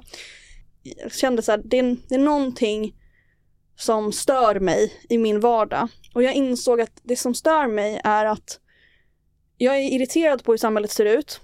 Och då funderar jag på så här, vad finns det för verksamheter som jag känner till som jag kan tänka mig jobba med där jag känner att jag kan göra skillnad, aktiv skillnad nu. Inte skillnad som kommer påverka om någon röstar om fyra år. Och då funderade jag på så här, vad finns det för volontärt arbete där jag kan påverka idag Mm. på riktigt. Och jag kände till kvinnojourer. Alltså kvinnojourer är ju en, åh, en lite annorlunda verksamhet för den riktar sig till vuxna. Och det kan ju ofta handla om att det finns ett så här stödboende där man kan gå direkt om du har varit, eh, eh, om du är med i en misshandelsrelation till exempel, så att du kan lämna. Eller att du kan få juridiskt stöd och massa andra saker för vuxna. Jag hade hört om tjejjourer men jag hade själv aldrig kontaktat en tjejjour. Eh, jag hade ingen aktiv liksom, direkt relation till det. Och jag hade funderat lite på vad jag skulle göra. Jag hade också jobbat som värvare, bland annat. eh, när jag också pluggade och sådär. Och fick jättemycket reklam på Instagram från Stjärnjouren. Och jag bara, these bitches are not stopping. Maybe I should tell them to stop contacting me. och det här är ju bara, alltså sån här riktad reklam är ju baserat på vart du bor, vem du är, ålder. Så att det, de hade bara lyckats, de hade bara köpt tillräckligt mycket annonsplatser att jag fick upp det om och om igen liksom, över en period. Och då tänkte jag, så här, det här är en verksamhet som passar mig som person. Alltså i vem jag är som person, att jag tror att jag kan stötta de personerna som kontaktar Precis. eh, stjärnjouren i min egen identitet, att jag har en, en Man kan relatera erfarenhet. till varandra. Exakt. Mm. Och det som är intressant på det här känner jag att vi har haft verksamheter som har kontaktat oss och frågat varför är ni aktiva? Folk som har skrivit sina liksom, doktorsavhandlingar. Vi, vi har varit med i flera olika verksamheter Mm. där Mm. eh, universitetsstudenter på olika nivåer har skrivit antingen C-uppsats eller ja, ännu högre då. Mm. Där de har tittat på hur ser eh, föreningsverksamhet som är riktad till olika typer av ja, men preventivt arbete, vålds, pre, våldspreventivt arbete, hur det, varför gör folk det här? Och det är mycket det som jag nämner, Mm. det är att man vill få ett community, Mm. att man känner att man själv inte står ut med situationen och vill göra någonting aktivt. Någonting som fungerar nu också. Mm. Att hjälpa någon i stunden och som säger inte vänta på en lagändring eller på att någonting ska Mm. hända om x antal år. Utan man vill Mm. hjälpa här och nu. Och det man också ser sen statistiskt, varför folk är kvar, Mm. varför folk väljer att vara kvar många år som jag då till exempel, eh, är att man får ett självförverkligande, att man känner jag mår bättre av att göra det här, jag Mm. får ett community av att göra det här eh, och jag känner mig bra Mm. för att jag gör det här. Mm. Så om vi som förening kan få folk att känna de sakerna, då är det ganska stor chans att de stannar. Gentemot, säg att du tar ett suicidsamtal, det är skittufft, du känner dig ensam, du går Mm. hem, du mår piss, Mm. du mår ännu mer piss i din vardag. Chansen att du kommer vilja fortsätta gå och göra det där är ganska låg. Mm. Så det, det intressanta då är att vi håller i massa tunga ämnen, Mm. men de flesta av oss går därifrån och känner sig starkt. Alltså du känner dig som en individ starkt. Mm. Inte Precis. bara på en emotionell nivå utan oftast också på en intellektuell nivå. Alltså du har utvecklats som individ. Du har fått en fortbildning, du, har, du känner att du kan göra någonting som inte bara är ditt 9-5 jobb. Ja, Mm. men det kan jag tänka mig, att man känner att man gör skillnad för folk på riktigt också. Och Precis. utvecklas för dig själv. Alltså du Mm. känner att du eh, blir mer av den du vill vara. Mm. Mm. Jättebra. Och det är därför som jag känner mig så engagerad i Stjärnjouren också. För att det här är den förändring jag vill se.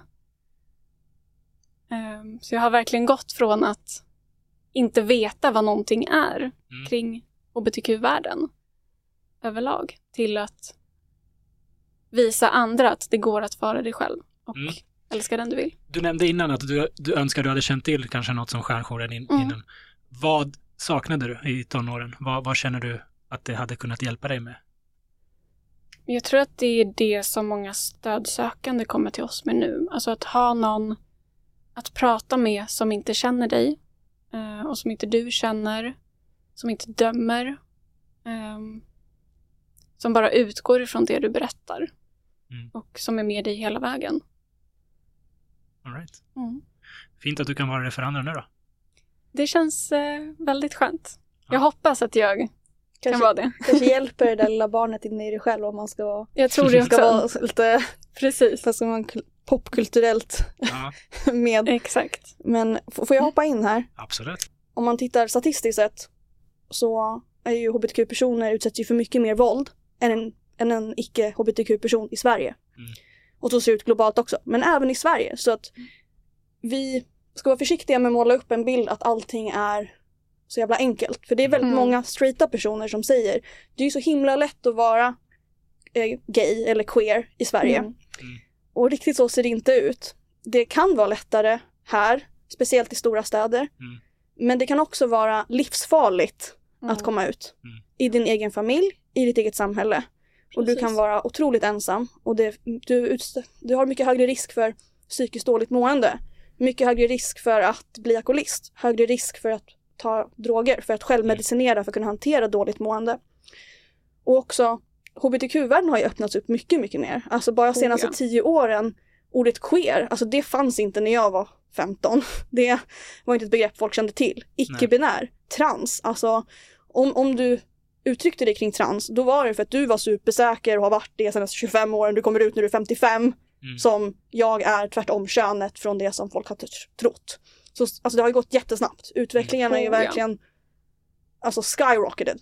Mm. Så jag kan ju verkligen se en skillnad på det Sverige jag växte upp i och de HBT, hbtq-arenor, eller vad man ska säga, de, de platser jag träffar andra hbtq-personer på, hur stor skillnad det är, alltså hur Oh, ja. våra samtal ser ut, vad som är okej och inte okej och Mm. hur, hur vi släpper in varandra har också förändrats för att normerna har gått så Mm. himla himla snabbt. Mm. Och internet har gjort jättemycket skillnad.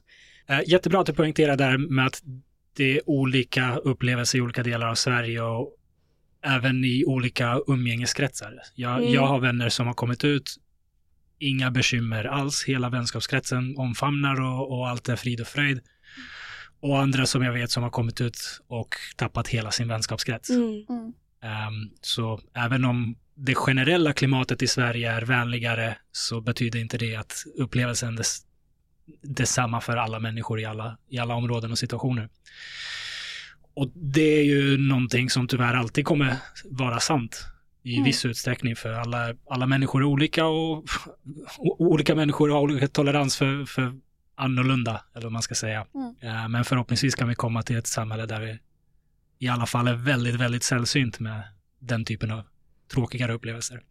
Um, vi var inne lite på att det har gått väldigt fort. Mm. Um, vad ska man säga? För, förståelsen för de här frågorna. Att, att fler pratar om det, fler känner till att det finns variation.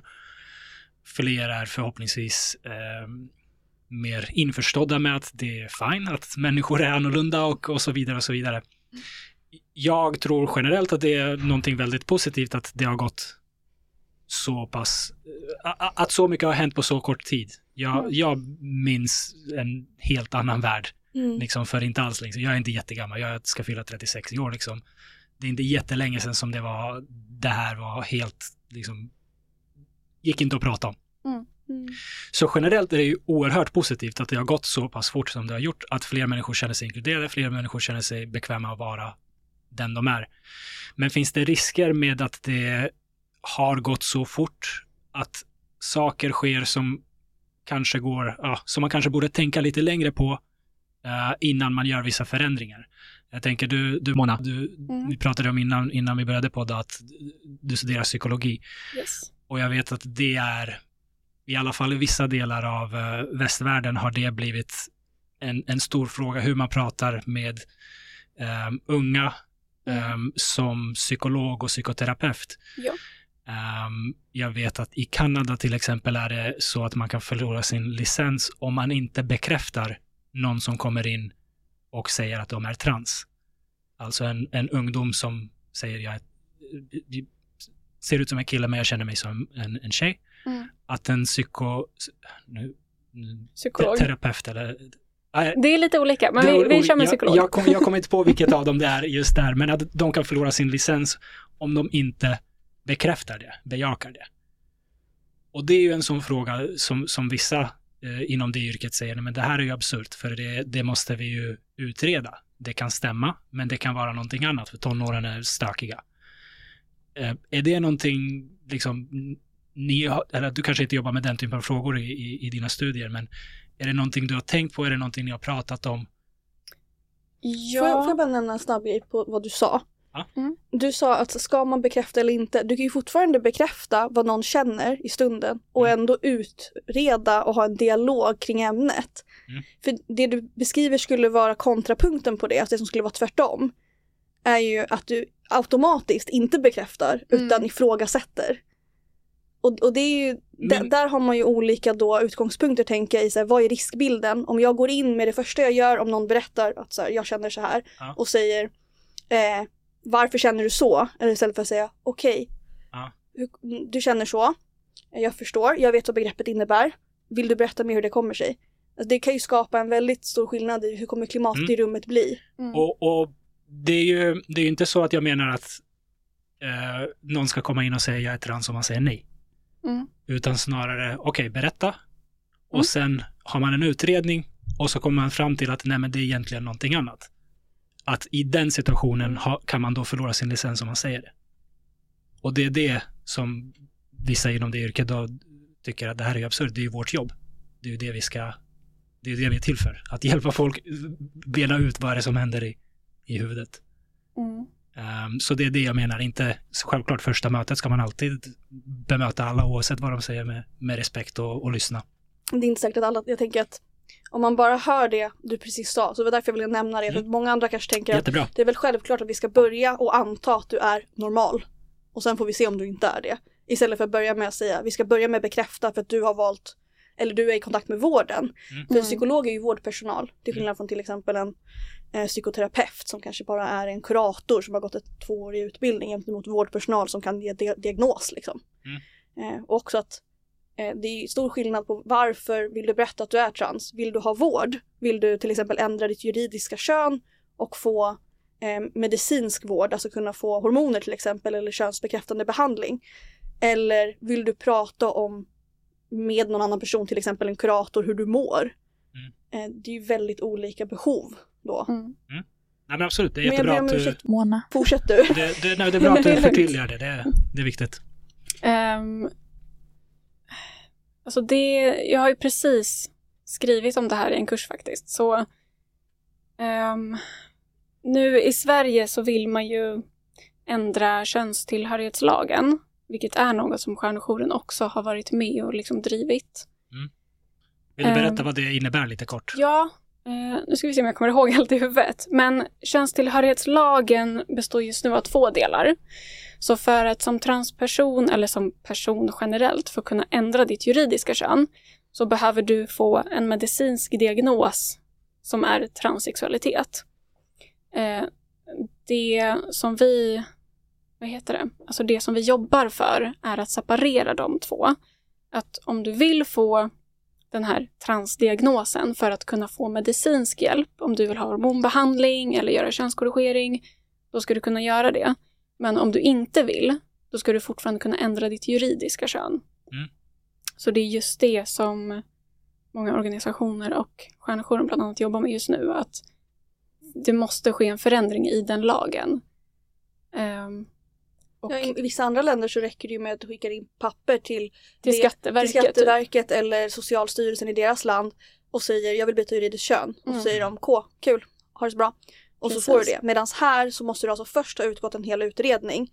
Och Eh, den kan ta, alltså det kan ta två år att bara få alltså bara ett, ett, första, kö. bety, ett Mm. första besök. Exakt. Och sen så kan- tar den, den utredningen tar olika lång tid men generellt Mm. upp mot ett år att bli klar med. Ja. Eh, som har flera flera steg i sig. Och sen efter det så måste du också vad andra människor anser är leva ut i det kön som du vill se ut som. Vilket inte alltid är självklart. Vilket inte alltid är självklart och inte alltid heller är så tydligt. Eh, och Mm. inte alltid är så lätt om du till exempel eh, säger att du är en vuxen person med eh, manliga attribut och har skägg. Inte jättelätt kanske att bara ta bort skägget och bara, jag vill att alla säger hon nu. Mm. Alltså, det, det kan vara ganska tufft om du inte har fått annan behandling innan som gör att andra lättare ser dig som det kön du vill eh, Mm. att de ska se dig som. Och sen skickar du in en ansökan till Socialstyrelsen där det alltså är en annan grupp människor utanför den gruppen som har varit med i din diagnossättning, de psykologerna, logopeder, endokologer och allt vad det är, eh, sen ska bedöma om du är tillräckligt mycket trans. Mm. Och är du det då får du också vänta och sen Mm. då får du möjlighet, om de säger ja, Mm. så får du ett nytt juridiskt kön och kan skaffa nytt körkort, nytt pass. Och måste till exempel kontakta där du fick din, om du har gått ut gymnasiet så måste du kontakta dem och få ett nytt, eh, nytt papper för att du är en ny person. Mm. Och jada, jada, jada, jada. Så Precis. processen idag, det, är inte, det sker inte på en kvart. Det sker på Nej. flera år. Och det kräver jättemycket av individen själv. Mm. Och igen, det räcker inte att du själv tycker någonting eller att din vårdgrupp tycker någonting. Du det är en måste också helt övertyga grupp. andra Mm. om att Du är tillräckligt är. mycket trans. Mm. precis. Ja, jag, jag, jag tänker kom kommentera på det, men jag vill höra om det här arbetet Mona började berätta om. Ja, ehm, alltså jag, jag har ju pluggat jättemycket om eh, interventioner i socialpsykologi.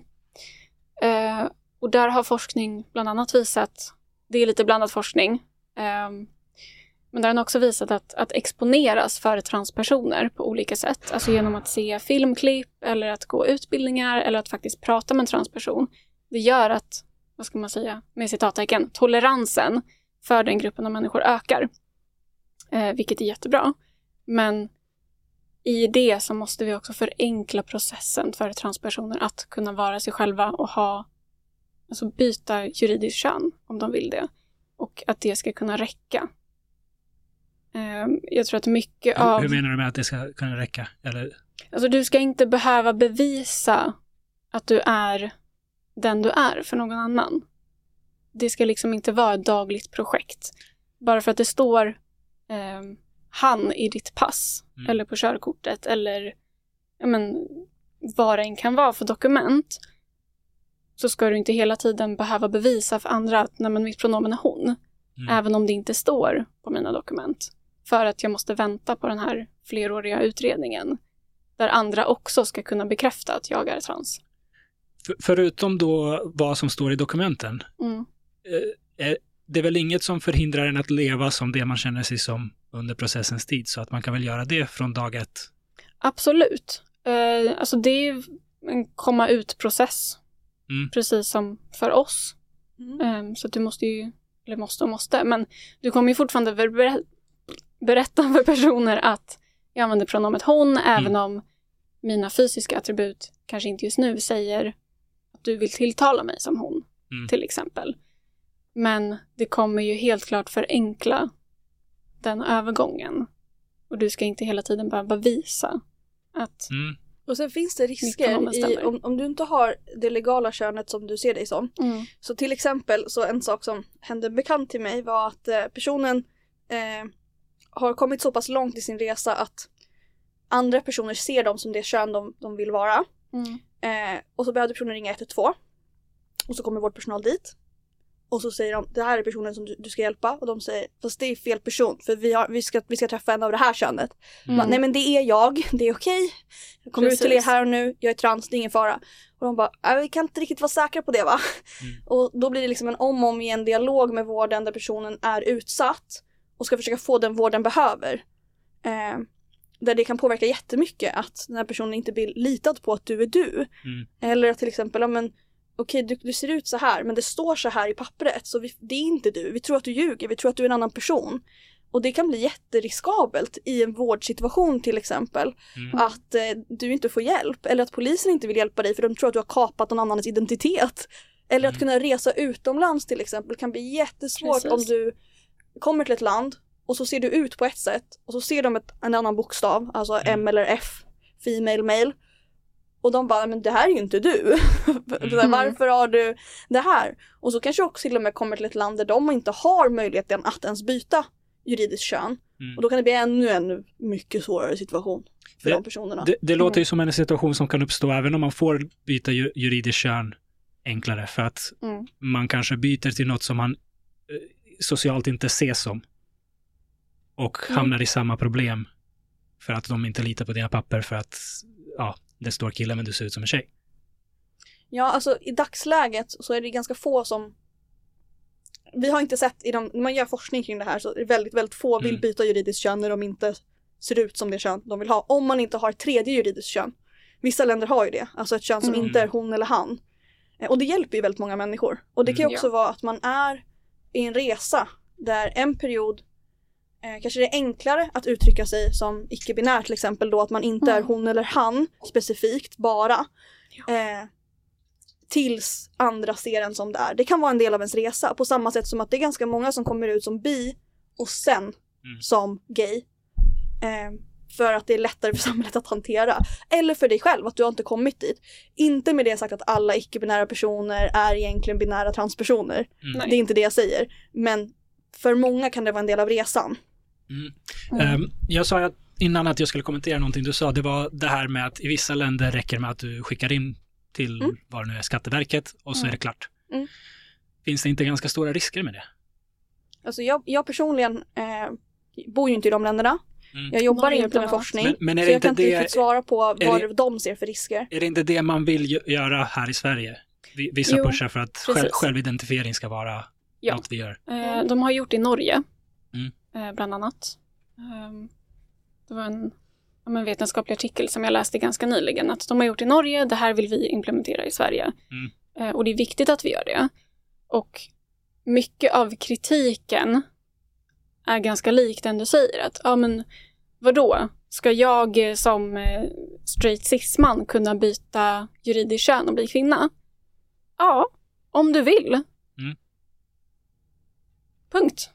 Sen, det Men, som- är, Men grejen är också att alltså risken att det kommer bli ett masskönsbyte i Sverige, nej, det kommer inte hända. Utan någonting som hjälper en grupp av människor kommer också hjälpa alla. jag, jag tror inte det kommer bli ett masskönsbyte, men vi har redan sett, jag tror det har hänt i Sverige också, att män som åker in i fängelse Mm. säger, ja men nu är jag kvinna. Och så Mm. får man hamna på kvinnofängelse. Men det kan man ju motverka på andra sätt än att bara titta på det juridiska könet. Mm. Jag tänker Mm. det där, det är ju väldigt många lagar som hör ihop med sen hur man aktivt eh, hanterar den, olika verksamheter i praktiken där man måste Ja. ha eh, eh, ett visst överseende eller förståelse att saker kan missbrukas. Men precis som du nämner, tittar man statistiskt på hur, vad man, när man har frågat folk hur stor procent av världens befolkning Mm. ser sig själva som hbtq-personer eller transpersoner. Vi är ju inte uppe i så här 90% av befolkningen, alltså det är ganska små delar. Och Ja. ännu mindre då till vilka som skulle kunna missbruka det här.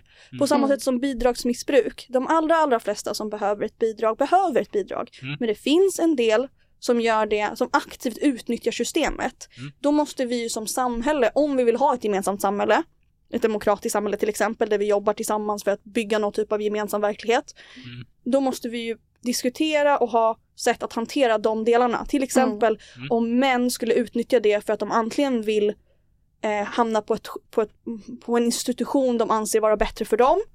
Eller för att de vill kunna utnyttja till exempel kvinnor på den platsen. Mm. Så att, att, diskutera risker tycker jag generellt är ganska ointressant. Vi måste Mm. prata om benefits, alltså fördelar och nackdelar kring lagändringar. Mm. Eh, om man ska genomföra en lagändring så ska ju vara det för att fördelarna är större än nackdelarna. Det är ju ingenting som är svartvitt i samhället där det är bara så här, ändrar du en lag så kommer allting bli jättebra. Mm. Jag, jag håller med om det du säger förutom att det är ointressant att prata om riskerna. Det, det är därför jag tycker, eh, därför jag var inne på förut, och finns det nackdelar med att det har gått så fort. För Mm. jag, jag instämmer i att eh, det där är en sak som vi kommer behöva lösa eh, fall för fall. Någon som är trans, eh, säg en kille som, som identifierar som tjej, hör absolut hemma på ett kvinnofängelse. Eh, är väldigt liksom, ja, kvinnolik, feminin, skulle ha stora problem i ett mansfängelse. Någon annan som verkligen ja, bara vill utnyttja systemet Mm. och är en stor stark man hör absolut inte hemma på kvinnofängelset. Och vi kommer komma till en tid då vi får ordning på de här sakerna och så kanske det finns transfängelser eller vad det nu än är för olika lösningar. Men att, att säga att det inte är intressant att prata om riskerna öppnar ju upp för det som har hänt i, i USA och många andra länder, att män dömda för våldtäkt självidentifierar som kvinnor, hamnar på kvinnofängelser och våldtar kvinnor. Vi kan inte säga det är ointressant och, och vi behöver inte prata om det här, utan det är just därför jag säger att vi behöver prata om det här och inte gå för fort fram, för det får inte ske heller. Vi kan inte ha liksom kvinnor som, som far illa för att en man vill missbruka systemet. Jag menade inte att det är helt ointressant att någonsin prata om det. Jag menar att det är ointressant att prata om som första punkt när man tar upp ämnet. Mm. För att det är Får ofta jag det som sker. lite? Absolut. Jag tror att det, att det är absolut en diskussion som behöver has, men de diskussionerna hör inte ihop. Då pratar vi om Exakt. helt olika saker. Mm. Det är som när, eh, alltså, om jag skulle prata om eh, mäns våld mot kvinnor och det klassiska, så kommer en man och säger ja ah, men eh, kvinnors våld mot män. Absolut, det är jätteviktigt och vi måste också prata om det. Men det hör inte hemma i just den här diskussionen. Men gör det inte det ifall vi säger att vi vill implementera självidentifiering och om vi inte, när vi, redan, när vi gör det, redan har en lösning på fängelsefrågan till exempel. Alltså det är, Då- då det är väldigt det sällan hända. vi jobbar så. Alltså i Sverige politiskt Mm. så är det inte så man jobbar när man ändrar lagar. Alltså vi, vi utvecklar ju inte program kring allt annat runt omkring när man ändrar en lag. Alltså ibland, men det är väldigt mycket man inte gör så kring. Man, man, gör Så väl varför alltid ska en, man göra det här? man gör väl alltid en utredning innan man implementerar en lag om vad är riskerna med om vi implementerar den här lagen? Ja men det är inte säkert man ens tar upp några risker. Alltså man kan göra en utredning och inte nämna några risker alls. Regeringen kan fortfarande säga ja. Alltså hur bra eller hur välutvecklad en utredning är Mm. beror ju till att börja med hur den sittande regeringen jobbar, vilka de har valt att ha i sina Mm. utredningsteam, om de är experter eller inte, andra politiker. Alltså det är Mm. väldigt godtyckligt, det här förändras hela tiden. Och, och, och det måste stämma. Min, min poäng är att jag skulle gärna se, om man ska implementera en självidentifiering, Mm. att man gör en utredning. Hur kan det här miss, missbrukas? Mm. Och vad kan vi göra för åtgärder för att det inte ska drabba andra liksom, människors... Mm. För var, varje lagändring Absolut. påverkar samhället på, i olika riktningar. Vissa bra, vissa, vissa dåliga. Eh, och det, det är min liksom, rädsla, att man implementerar någonting utan att ha utrett ordentligt vad finns det för nackdelar. Sen kommer man aldrig kunna liksom, förutspå framtiden, Mm, hur folk Mm. kommer... Vi, är- vi är kreativa när det kommer till att missbruka eh, systemet. Men en sån sak till exempel är ganska lätt att se att eh, alltså jag personligen, om jag skulle hamna i fängelse och det här var ett alternativ, jag skulle i alla fall överväga det. Eh, för att jag tror att det skulle vara enklare på ett kvinnofängelse än ett mansfängelse, beroende på liksom, situationen. Men om det är så enkelt så tror jag att väldigt många cismän skulle liksom i alla fall fundera på det alternativet. Och då säger jag att därför är det farligt ibland att gå för fort. För om vi plötsligt har liksom hundra eh, män som identifieras som kvinnor och hamnar på kvinnofängelse, det, är- det, det är ett stort problem. Det kan liksom verkligen vara eh, hemskt för många i det, det fängelset. Då. Mm. Jag, jag kommer nog upprepa det så att det är två olika diskussioner. Ehm, för när det kommer till just eh, translagen så har den inte ändrats sedan den kom från första början. Mm. Ehm, så det handlar inte i första hand om att vad händer om cismen helt plötsligt börjar identifiera sig som kvinnor för att slippa hamna i fängelse för män. Det handlar om att se till att transpersoner upplever mindre könsdysfori och därmed minska risken att de mår ännu sämre och Mm. ja, men, alltså, kanske till slut tar livet av sig för att de inte får könsbekräftande vård. För det här är ju, alltså om vi tittar på just transpersoner, det är en av de grupperna i svenska samhället som har högst suicid Mm. överhuvudtaget. Mm. Det är jättemörka siffror. Ja. Mm. Så absolut, igen, varför jag sa att det här är inte intressant att prata om är för att det är en så liten, liten del av Mm. de som dör idag i Sverige. Och det är jätteallvarligt. Vad menar du? Alltså andelen personer som eh, är trans och mår dåligt, så pass dåligt att de överväger eller till och med utför och lyckas med suicid. Mm. Eh, jämt emot andelen personer vi ser statistiskt i andra länder som har missbrukat sådana lagar.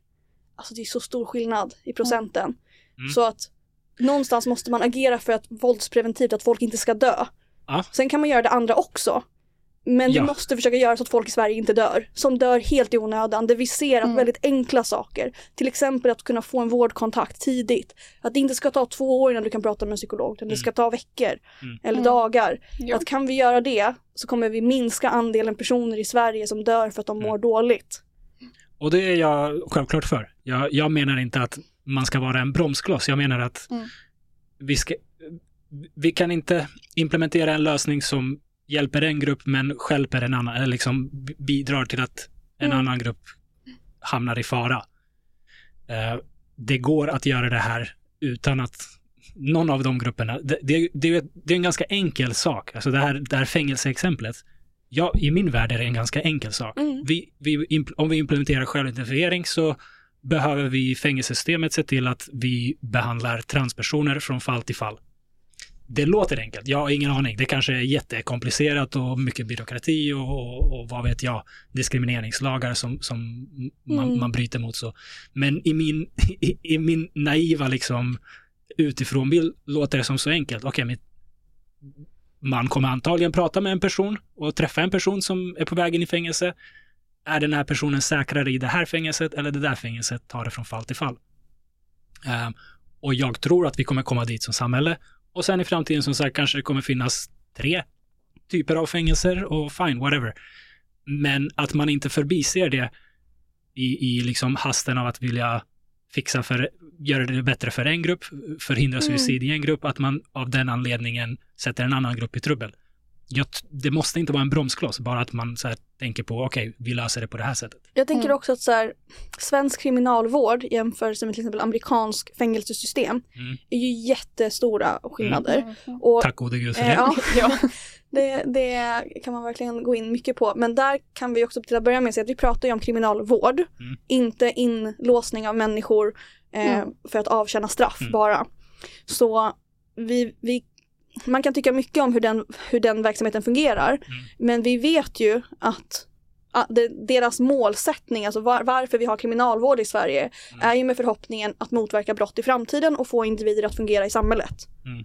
Så hur de hanterar sin vardag i fängelset eller häktet eller vilken del av verksamheten de än är i. Eh, där har vi jättestor, alltså det är en jätte, jättestor verksamhet som är kriminalvården. Mm. Så att det är ju inte bara som vi sa, att ändrar vi en lag så kommer det till skillnad från till exempel i USA där liksom hur det spiller ner i resten av samhället. Ja. Där är det inte så att de hamnar i ett system där det bara handlar om så här, en person på en pinne. Utan Mm. vi har kriminalvården som aktivt ska jobba med den här personen för att Mm. bli en fungerande individ. Så målsättningen är ju också att deras hälsa ska vara bra. Mm. Och de, ska ju, de har ju ansvar över den här personen att den ska må bra. Och transpersoner som inte eh, blir bekräftade i sin identitet mår generellt ganska kast. Mm. Så chansen att det, att det här sker, att kriminalvården bara skulle flytta på någon som av andra inte, inte identifieras som det kön som de ser ut som och som inte gör någonting aktivt för att det ska ske. Jag skulle bli extremt förvånad om personerna som jobbar i kriminalvården i Sverige skulle bara absolut, vi flyttar på dig, ha det så kul. Utan most likely så kommer det bli en, en längre process Mm. där man igen pratar om personens psykiska mående och ser vad är målsättningen med att du ska flytta på dig? För att du kommer inte bara bli bekräftad för att du är i ett rum med andra kvinnor. Kanske snarare tvärtom, det kan bli en farlig situation där också. Mm. Och också det här, var har vi öppna öppenvården? Eh, när kommer du ut? Vi, det är väldigt få som avtjänar hela sina straff. Mm. Vad är målsättningen med det? Kan deras självidentitet ha en, en funktion i deras brottslighet? Alltså det, det här är ju frågor som kriminalvården har ansvar över, över den här personen, så länge de är i kriminalvården. Mm. Så att jag tror inte vi ska underminera det faktum att vi har ett helt annat utvecklat, eh, eh, helt annan, helt annan liksom, byråkrati och verksamhet än till exempel USA med deras fängelsesystem. Mm. Eh, så jag tror att den här, det här problemet skulle motarbetas internt också av Mm. att våran kriminalvård fungerar så otroligt annorlunda. Mm. Och inte är till för att bara spärra in folk över en viss tid och sen släppa ut dem. Jag instämmer. Jag, jag tror att det här kommer benas ut. Jag är bara mån om att man gör det på ett sätt som så att så få människor som möjligt ha- hamnar i kläm och, och blir skadade. Ehm, en annan aspekt av det här, eh, känner ni till kliniken Tavistock som fick stänga ner i, i England? Nej, inte Nej, specifikt. inte hört. Ehm, de jobbar med, eller jobbade med um, köns... eh, Bekräftande vård. Ja, ja, det är väl så man kan kalla det. De, Mm. de, de, de pratade med ungdomar och eh, bestämde, eller liksom bedömde om ehm, de, sk- det är rätt att de ska gå på hormoner, hormonbehandling till exempel. Mm. Eh, och kör könskorrigerande operationer och så vidare. Det här med ehm, eh, ungdomar som identifieras som trans har ökat markant senaste åren. Mm. Ehm, och det eh, har bland annat lett till, i, i den här kliniken, det, det är ett special, man kan väl säga att det är ett specialfall, men det är risk att det kan hända på många ställen, att det blev så otroliga volymer att Mm. de inte riktigt kunde mäkta med det. Mm. Och då började de ta genvägar. Mm. Ehm, och jag har lyssnat på, på dokumentär om vad som hände där och varför det hände på, på det sätt det gjorde. Eh, men kort och gott kan man säga att det, det blev så mycket tryck att folk började efter en träff med ungdomarna säga att ah, men den här personen ska ha hormoner. Mhm. Ehm, eller till och med könskorrigerande operationer.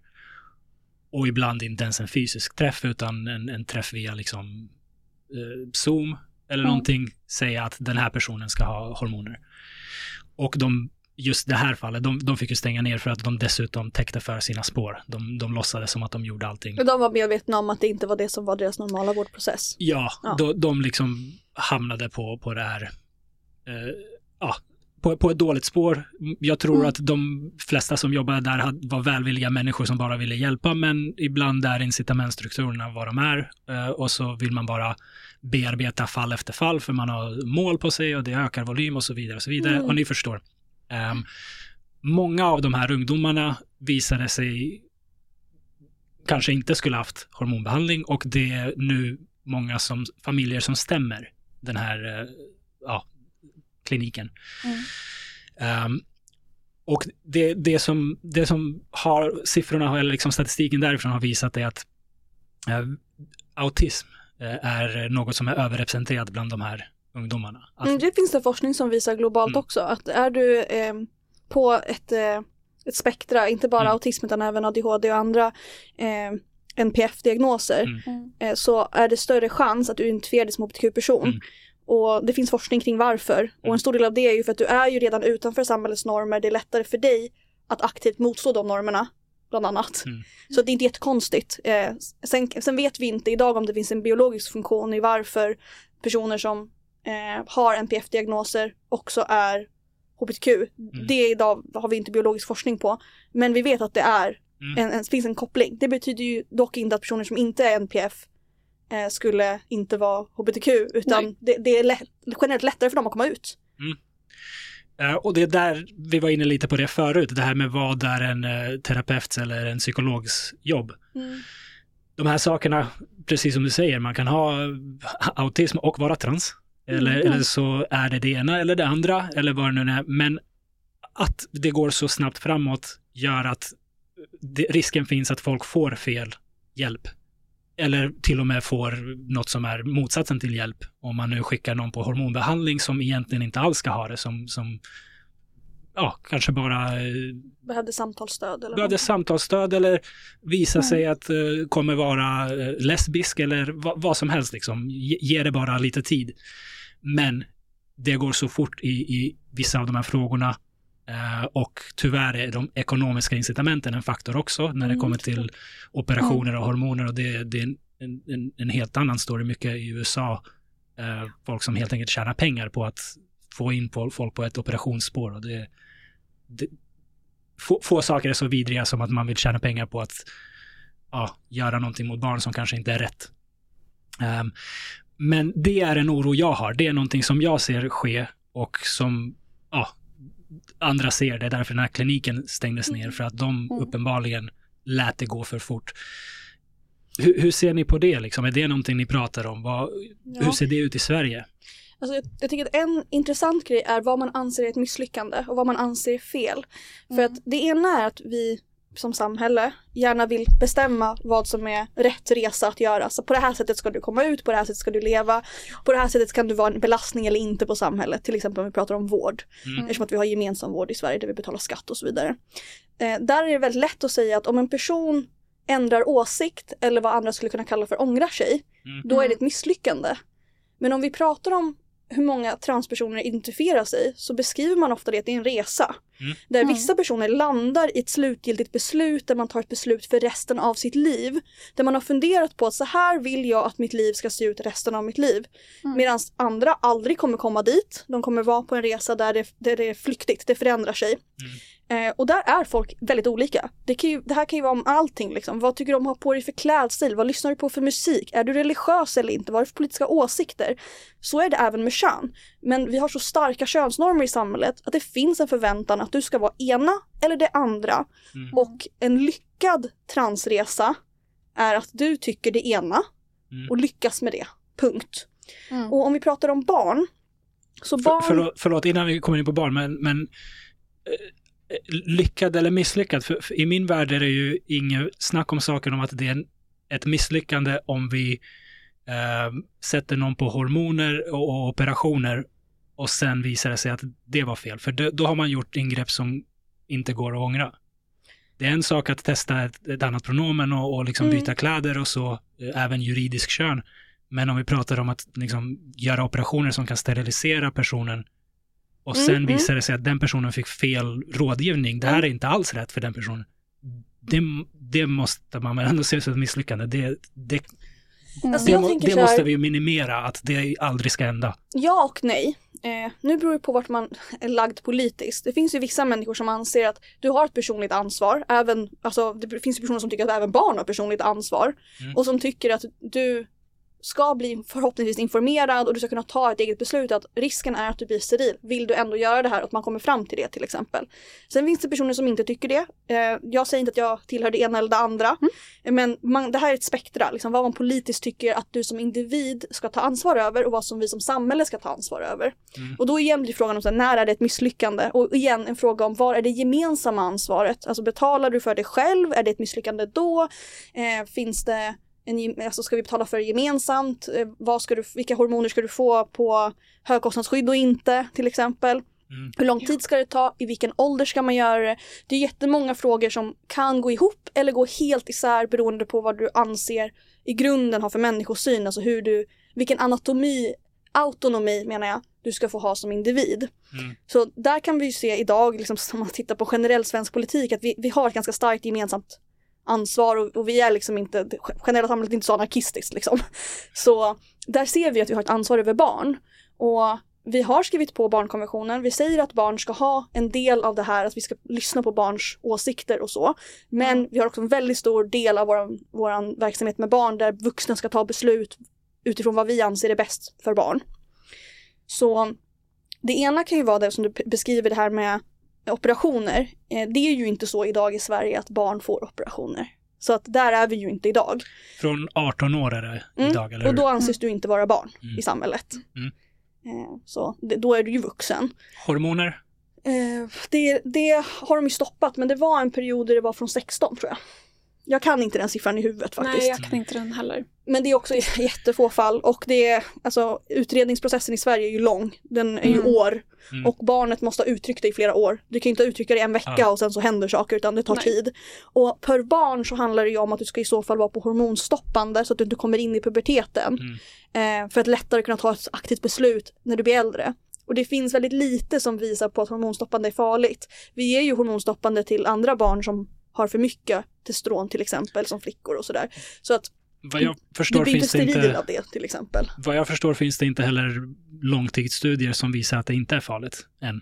Alltså för det här- hormonstoppande så finns det ju det. Det finns ju jättemycket forskning för att det finns ju barn som får hormonstoppande för att de till exempel är intersex. Alltså Mm. det, det har ju använts jätte, jättelänge. Eh, Men det är skillnad på att ge ett aktivt hormon, att försöka alltså, Mm. att byta hormon. För där, om du då går in i pubertet, att du aktiverar en pubertet, Mm. då finns det ju saker som inte är, eh, som du inte kan gå tillbaka med. Mm. Eh, och absolut, det, det är jätte, jätteviktigt. Men jag tror också att vi måste fundera på vilka transidentiteter vill vi tillåta i samhället? För då måste vi också acceptera att vissa personer kommer vara helt okej med att gå med, vara med om två puberteter och sen Mm. göra en ny resa. Och det kommer vara jätteviktigt i deras liv.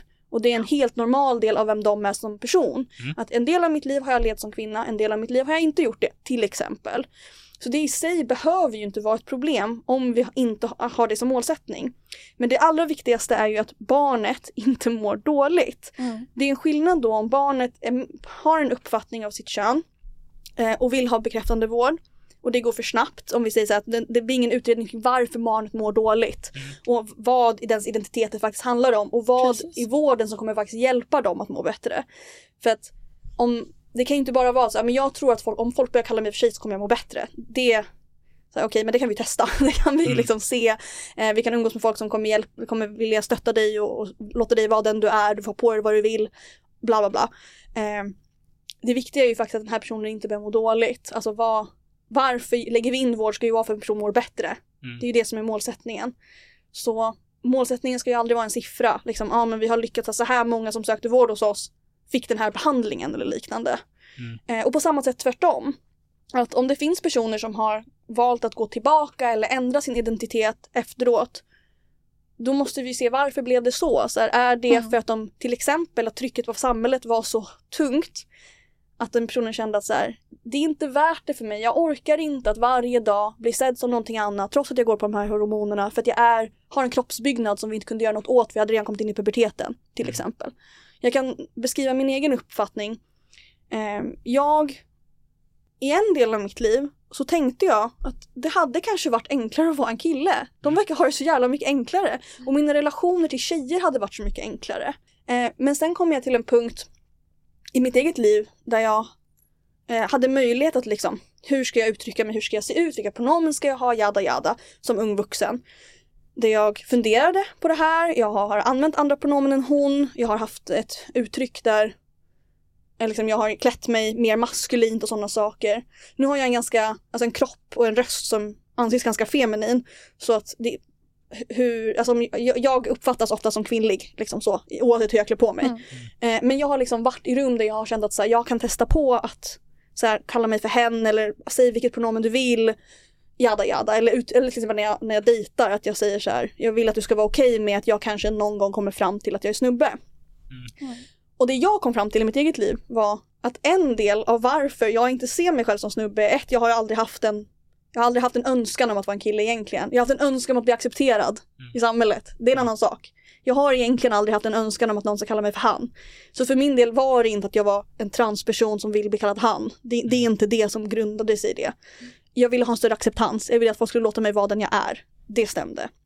Men jag insåg också att resan till att komma dit, om jag ska bli kallad för man, är att jag kommer bli en person som som man, jag kommer vara jättekort, jag är jävligt nätt.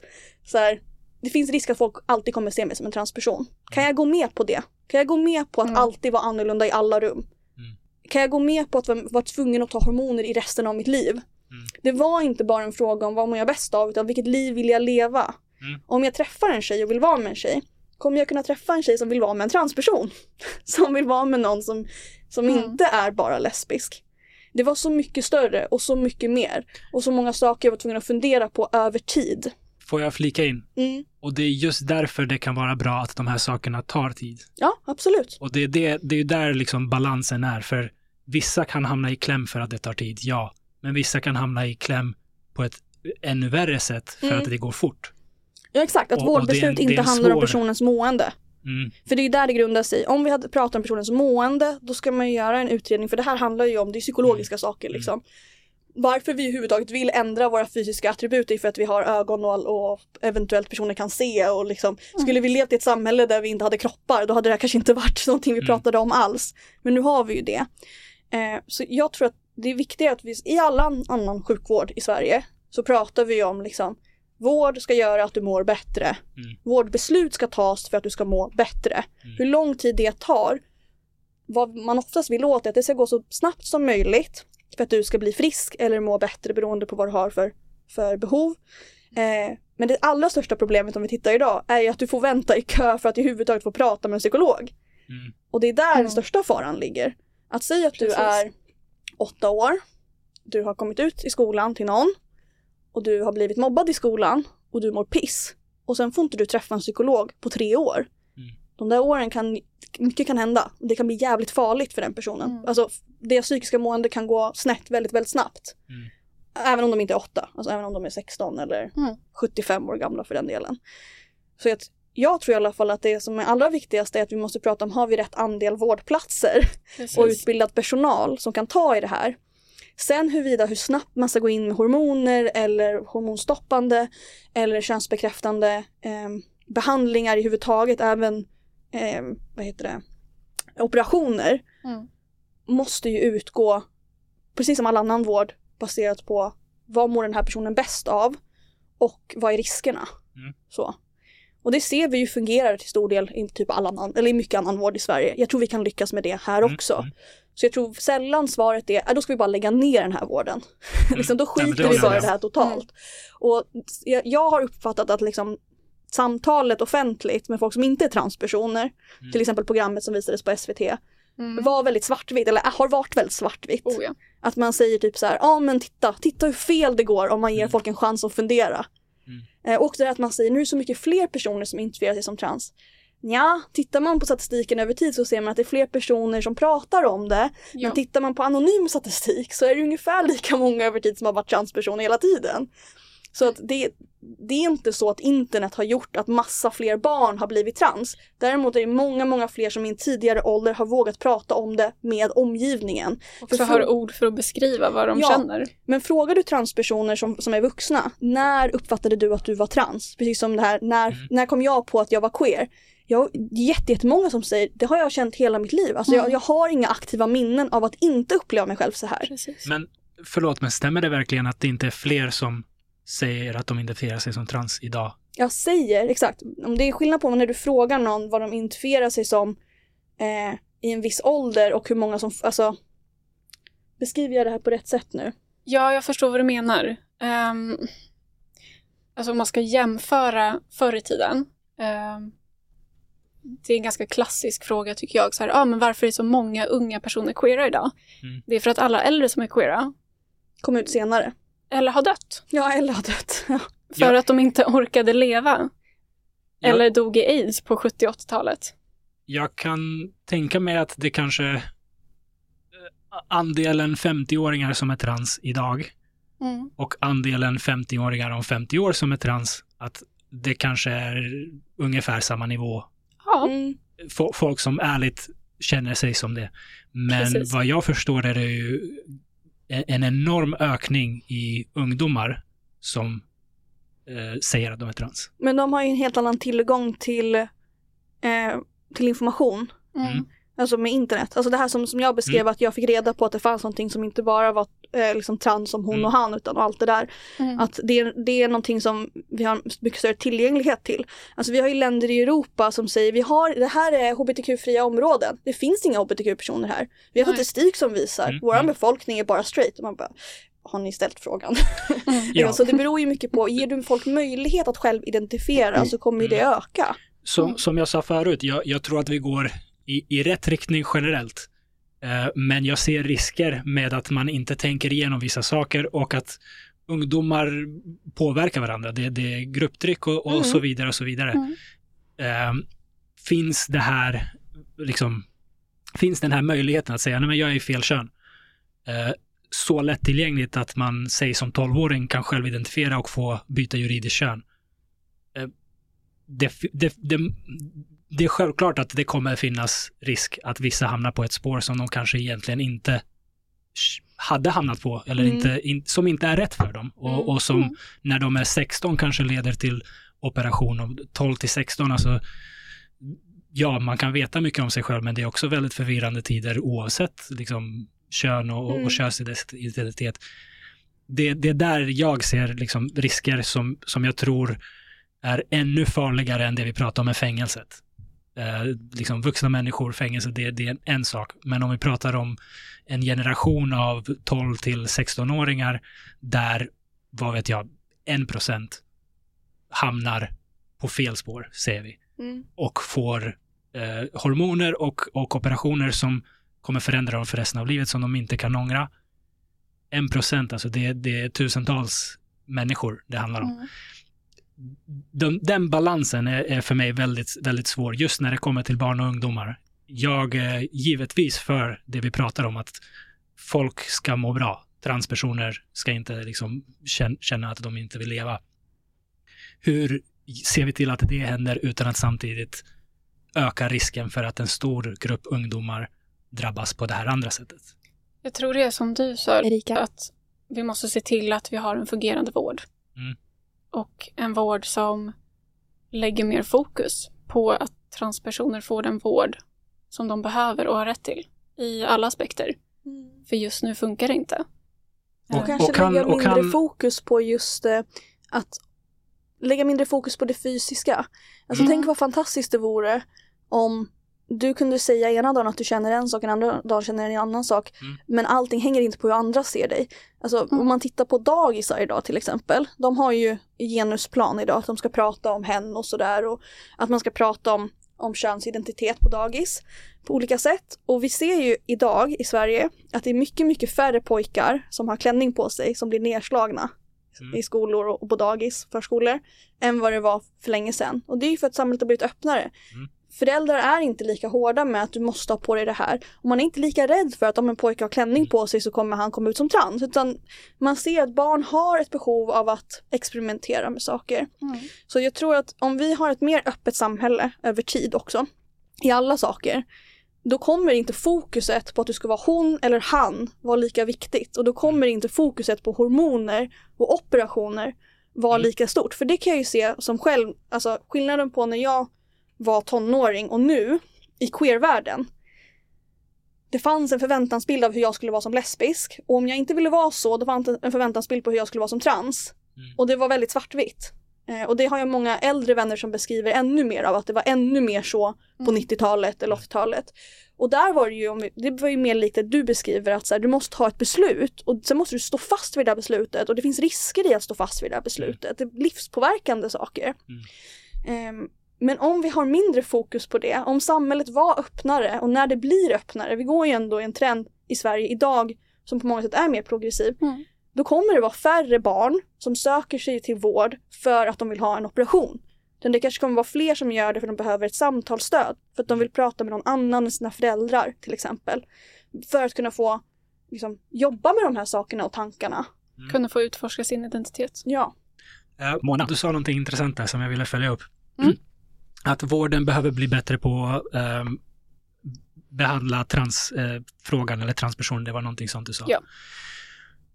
Och när det handlar om ungdomar, det, den formuleringen är ju redan på ett spår. Mm. Det, det är det jag menar. Den vården måste på något sätt vara öppen för att landa i att nej men trans är inte svaret här, utan det kanske handlade om autism eller kanske någon som är homosexuell eller vad det nu än är. Det, där, det, det känns så svårt. Jag, jag vet inte vad, hur, hur det ska göras utan att det samtidigt blir någon sorts så här, eh, convergent therapy så, från, Mm. från förr i tiden. Eh, för det vill vi inte heller komma till, att folk säger nej, nej, du är inte alls det här. Nej. Men om någon inte alls är det här så måste det komma fram att det är inte det här. För som sagt, riskerna om man går på ett spår som, man igen, som inte egentligen är rätt Mm. för en är Mm. Jag tror att vi är inne lite på spåret med fängelset, att det är kanske inte riktigt den diskussionen som vi ska fokusera på, utan att vi kanske snarare ska fokusera på att vi måste ha en fungerande transvård som ser till att transpersoner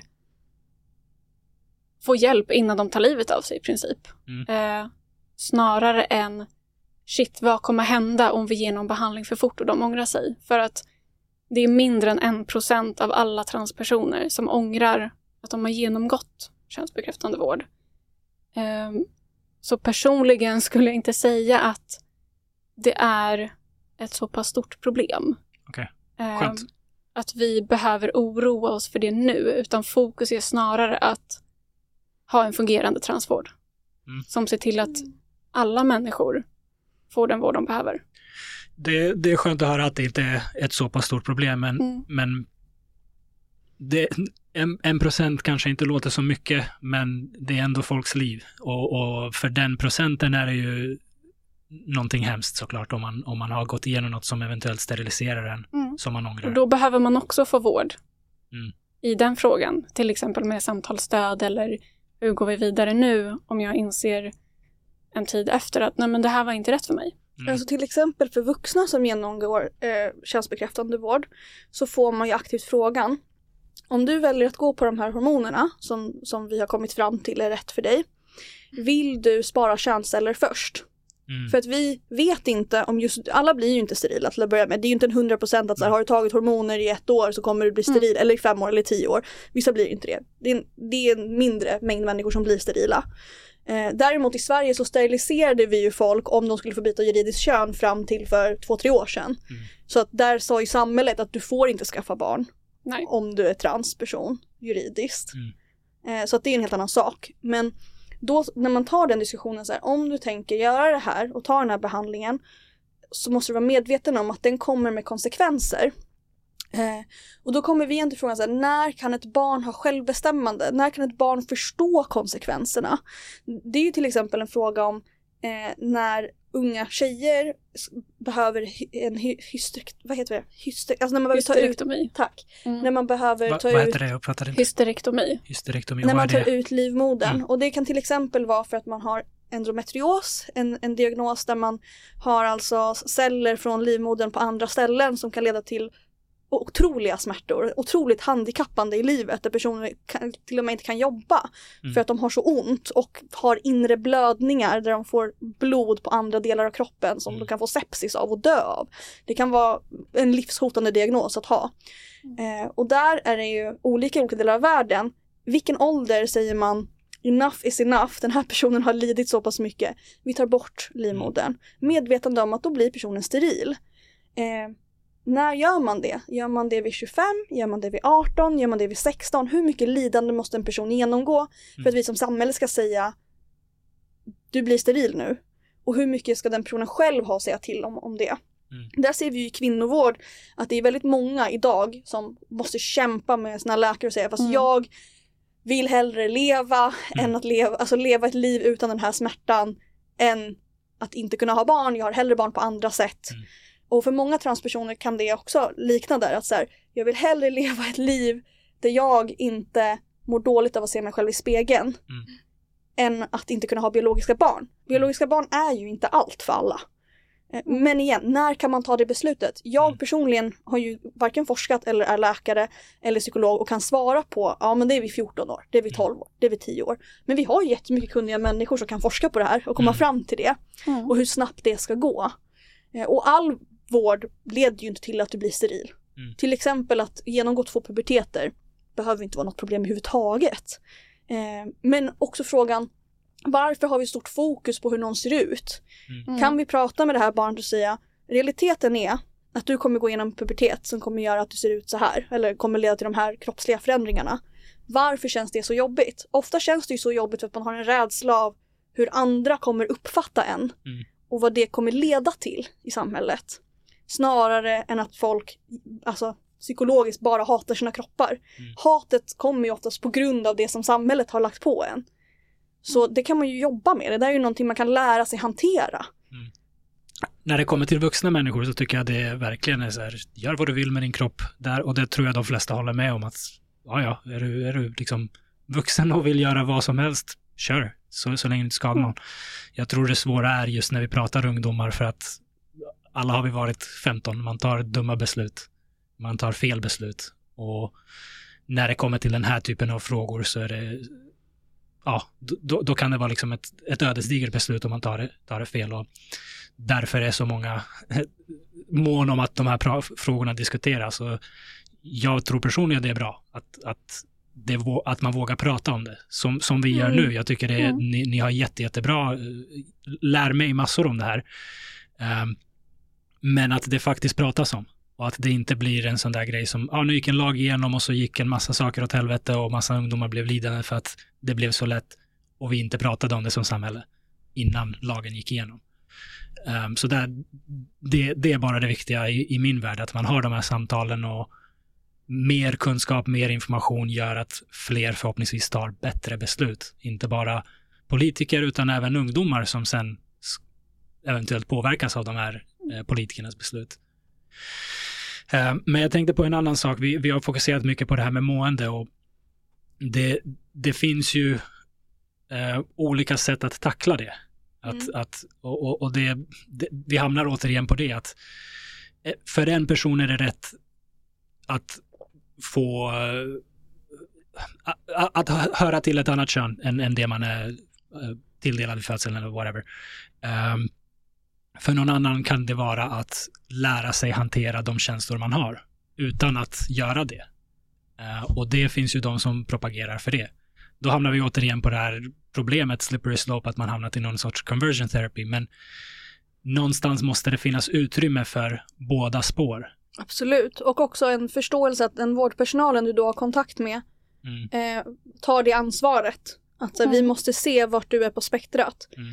Eh, för att jag tror till exempel, hade jag haft mer tillgänglighet till vård när jag var 16 och Mm. funderade på de här sakerna. Had, po- ponera att jag var 16 nu eller om jag var sex, att jag var 16 om 30 år och det var helt förändrat. Då hade jag kanske gjort det och jag hade kanske varit asnöjd. Det finns ingenting som säger att jag inte hade varit jättenöjd med att leva som man. Mm. Den, jag funderade på de här frågorna i relation till det samhälle jag faktiskt lever i nu och vilka konsekvenser det hade nu. Så att det här är en fråga som alltid kommer att förändras i takt med att samhället förändras. Mm. Kanske kommer det här, alltså andelen personer som ångrar sig och ser det som ett problem, kanske kommer vara liksom tre personer på tusen år Mm. om vi har ett samhälle som är mer öppet till exempel. Man måste utgå från vart vi är nu. Och Mm. precis som du säger, nu lever vi ju i ett väldigt eh, liksom, svartvitt samhälle med ett väldigt binärt system. Där det kommer, det kommer påverka dig om hur andra hanterar dig och, och ser dig. Och, och då måste vi utgå från det och utgå från att så här, det betyder att du måste ta ett väldigt aktivt beslut att göra förändring om du ska göra en förändring på din kropp. Eh, på samma sätt som ifall du ska få Mm. amputera av en arm eller någonting att det är ju liksom, det Mm. måste tas ett väldigt aktivt beslut. Varför gör vi det här?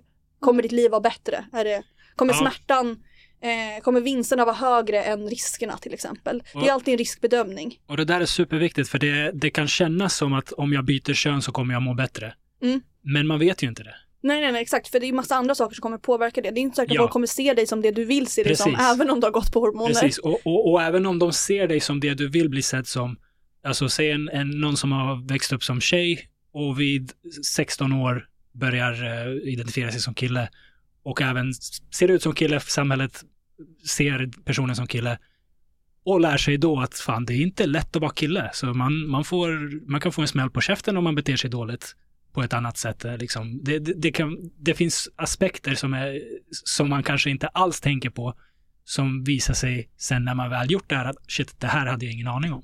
Mm. där, där också måste informationen finnas tillgänglig. Alltså folk som har gjort övergången, eh, att de på ett ärligt sätt berättar vad, vad betyder det här. Ja, och att de som sätter reglerna, en del av dem behöver också vara transpersoner. För det ser vi ju ett stort Verkligen. problem i att när vi har, gör utredningar på de här frågorna så vi kan se i Sverige att det, det, är- det är väldigt många sådana utredningar som har gjorts i historien där vi inte haft en enda transperson vid rummet. Mm. Mhm. Och det, är så här, det blir lite intressant. Hur Mm. ska de kunna veta då när om, alltså, hur ska vi kunna ha perspektiven Mm. om vi själva inte har perspektiven om vi inte i så fall har forskning på perspektiven Ja, till exempel. Instämmer Precis. helt och hållet. Eh, Så att det finns ju många aspekter i det här att ta in. Mm. Eh, Och jag tänker att det, är så- det, det här övergriper ju så himla många andra frågor. Mm. Som det här jag nämnde att nu lever jag i en relation som ses som en heterorelation. En del i att välja att dejta män var att acceptera och sitta i ett rum och bara nu kommer jag helt plötsligt ha en vänskapskrets med min sambos vänner Mm. Där typ alla är straight. Mm. Vi har levt ganska olika liv. Ja. Och jag måste leva med det. Jag hade ett tryckrum där jag har liksom ax axlat en roll och hamnat i en position där, där vi är lika varandra. Och helt plötsligt ska jag nu vara i ett street rum. Jag tror Mm. många som till exempel kommer från en arbetarklass och som sen gör en klassresa och blir medelklass eller överklass kan känna en liknande sak. Eh, att liksom oj, jag är de tror att jag är som, som, som dem, men jag är inte som dem och jag kan aldrig förstå hur de känner. Mm. Och de kan aldrig förstå mig. Eller som person som jag har invandrarbakgrund eller andra generations invandrare och har ett mellanförskap. Att vi kan uppleva mellanförskap i jättemånga frågor. Och könsidentitet är en sån sak. Eller sexuell läggning. Eller etnicitet. Eller hur andra uppfattar din etnicitet. Mm. Så jag tror att det här är någonting vi i samhället, det sker hela tiden förändringar baserat på hur homogent samhälle har vi och hur multi, oavsett om det är kulturellt eller vad det är, Mm. hur, hur diverserat är samhället. Mm. Och det är ju jätteolika beroende på vad du har för bakgrund hos folk. Ja. Alltså Sverige har ju en högre andel personer med invandrarbakgrund i tredje generations invandring än andra länder. Och mindre än andra län- vissa andra länder. Så att Mm. vi är ju mycket mer progressiva på många sätt. Till exempel för att vi har en så diverserad befolkning. Har ni ork med en till Absolut. kontroversiell fråga? Ja, absolut. Det finns ju en motsättning mellan ehm, det som kallas för TERFs, Ja. Mhm. Trans Exclusionary eh, Radical feminists. Radical Feminist, Mm. tack. Cis-kvinnor som är feminister Mm. och som tycker att eh, transrörelsen, eller delar av transrörelsen, man ska inte sätta alla under, under samma paraply där, men delar av transrörelsen, transrörelsen eh, infiltrerar på kvinnors områden Mm. och de vill jättegärna ha om, ut, utrymmen som bara endast är för kvinnor. Och vilka de anser är kvinnor också. Vilka då? Cis, Mm. cis-kvinnor. Mm. Ja. Cis-kvinnor. Ehm, hur ser ni på det? Det, det, är, en- det är en legitim fråga. Det, det Mm. kanske finns utrymmen där det är rimligt och det kanske finns, det kanske är rimligt att det ska vara så. Finns det en motsättning här? Måste det finnas en motsättning här? Alltså separatism utövar ju vi i stjärnjouren som vi beskrev. Vi Precis. tillåter ju inte cismen att sitta i, i chatten. Mm. Så separatism har absolut sin plats för att skapa trygga rum. Ja. Eh, men om man pratar om feminism och olika vågor och olika eh, Vi har ju ismer. vit liksom. feminism till exempel. Vit feminism eh, eller att vara... Vit feminism. Ja, det är ju rasse basically. Ja. Feminist. Alltså det, det är väl på liknande sätt som TERFs. Eh, att de exkluderar. De är feminister och gillar bara vita. ja, Precis. Ja. Spännande. Nej, men det är som att säga att svarta kvinnor inte är kvinnor på samma sätt som eller TERF att de inte ska säger rätt att... till samma vård eller liksom. Att, Exakt, på samma sätt som TERF säger att ja men eh, vi inkluderar bara cis-kvinnor för att de tycker att transkvinnor inte är kvinnor. Ja. Vilket vi inte tycker stämmer. mm. Så att generellt skulle jag säga att om man inte har koll på vad intersektionalism betyder Och man inte har en relation till det, eh, då är man ju inte särskilt progressiv till att börja med. Och om man aktivt vet vad det betyder och ändå tycker att det inte är bra, Mm. Att vara inte är bra. att eh, inte kunna se hur olika privilegier eller olika eh, icke-privilegierade grupper påverkar personen. Alltså Mm. att om jag som person är eh, kvinna och lesbisk så har jag en ytterligare risk att utsättas för en annan typ av vård eller våld Mm. på grund av att jag också är lesbisk. Eller om jag är kvinna och rasifieras, alltså inte anses som vit av andra, så kommer Mm. jag utsättas för andra typer av risker i samhället på grund av att vi lever i ett majoritetssamhälle där vi utsätter folk för våld baserat på hur vi ser dem. Ja. Så då om man anser att det är rätt att utsätta folk, folk ska utsättas för mer risker och mer våld baserat på att vi anser att de är annorlunda av olika anledningar. Alltså det kan vara etnicitet, det kan vara sexuell läggning, det kan vara kön. Till exempel det man kallar för rasism. Personer som är rasister som eh, antingen har de själv identifierat att de förstår. Jag förstår att det jag tycker är rasistiskt Mm. och att det i sig innebär att jag tycker inte att alla människor baserat på sin etnicitet eller vad de anser är ras ska ha samma rättigheter. Mm. Antingen kan de ha en förståelse till det, att säga, jag är rasist och jag tycker det och jag Tänk- tycker att det är Tänk vad rätt. härligt om folk var så ärliga bara. Ja, men jag tror att alla, rätt alla fram. har inte sällan. självförståelse, alltså att alla Nej. har inte självinsikt. Mm. Sen kan det vara åt andra Mm. sidan att jag har en tro om mig själv, Mm. att min människosyn är på ett sätt, men det jag vill ska hända politiskt Mm. Mm. kommer leda till ABC. Ja.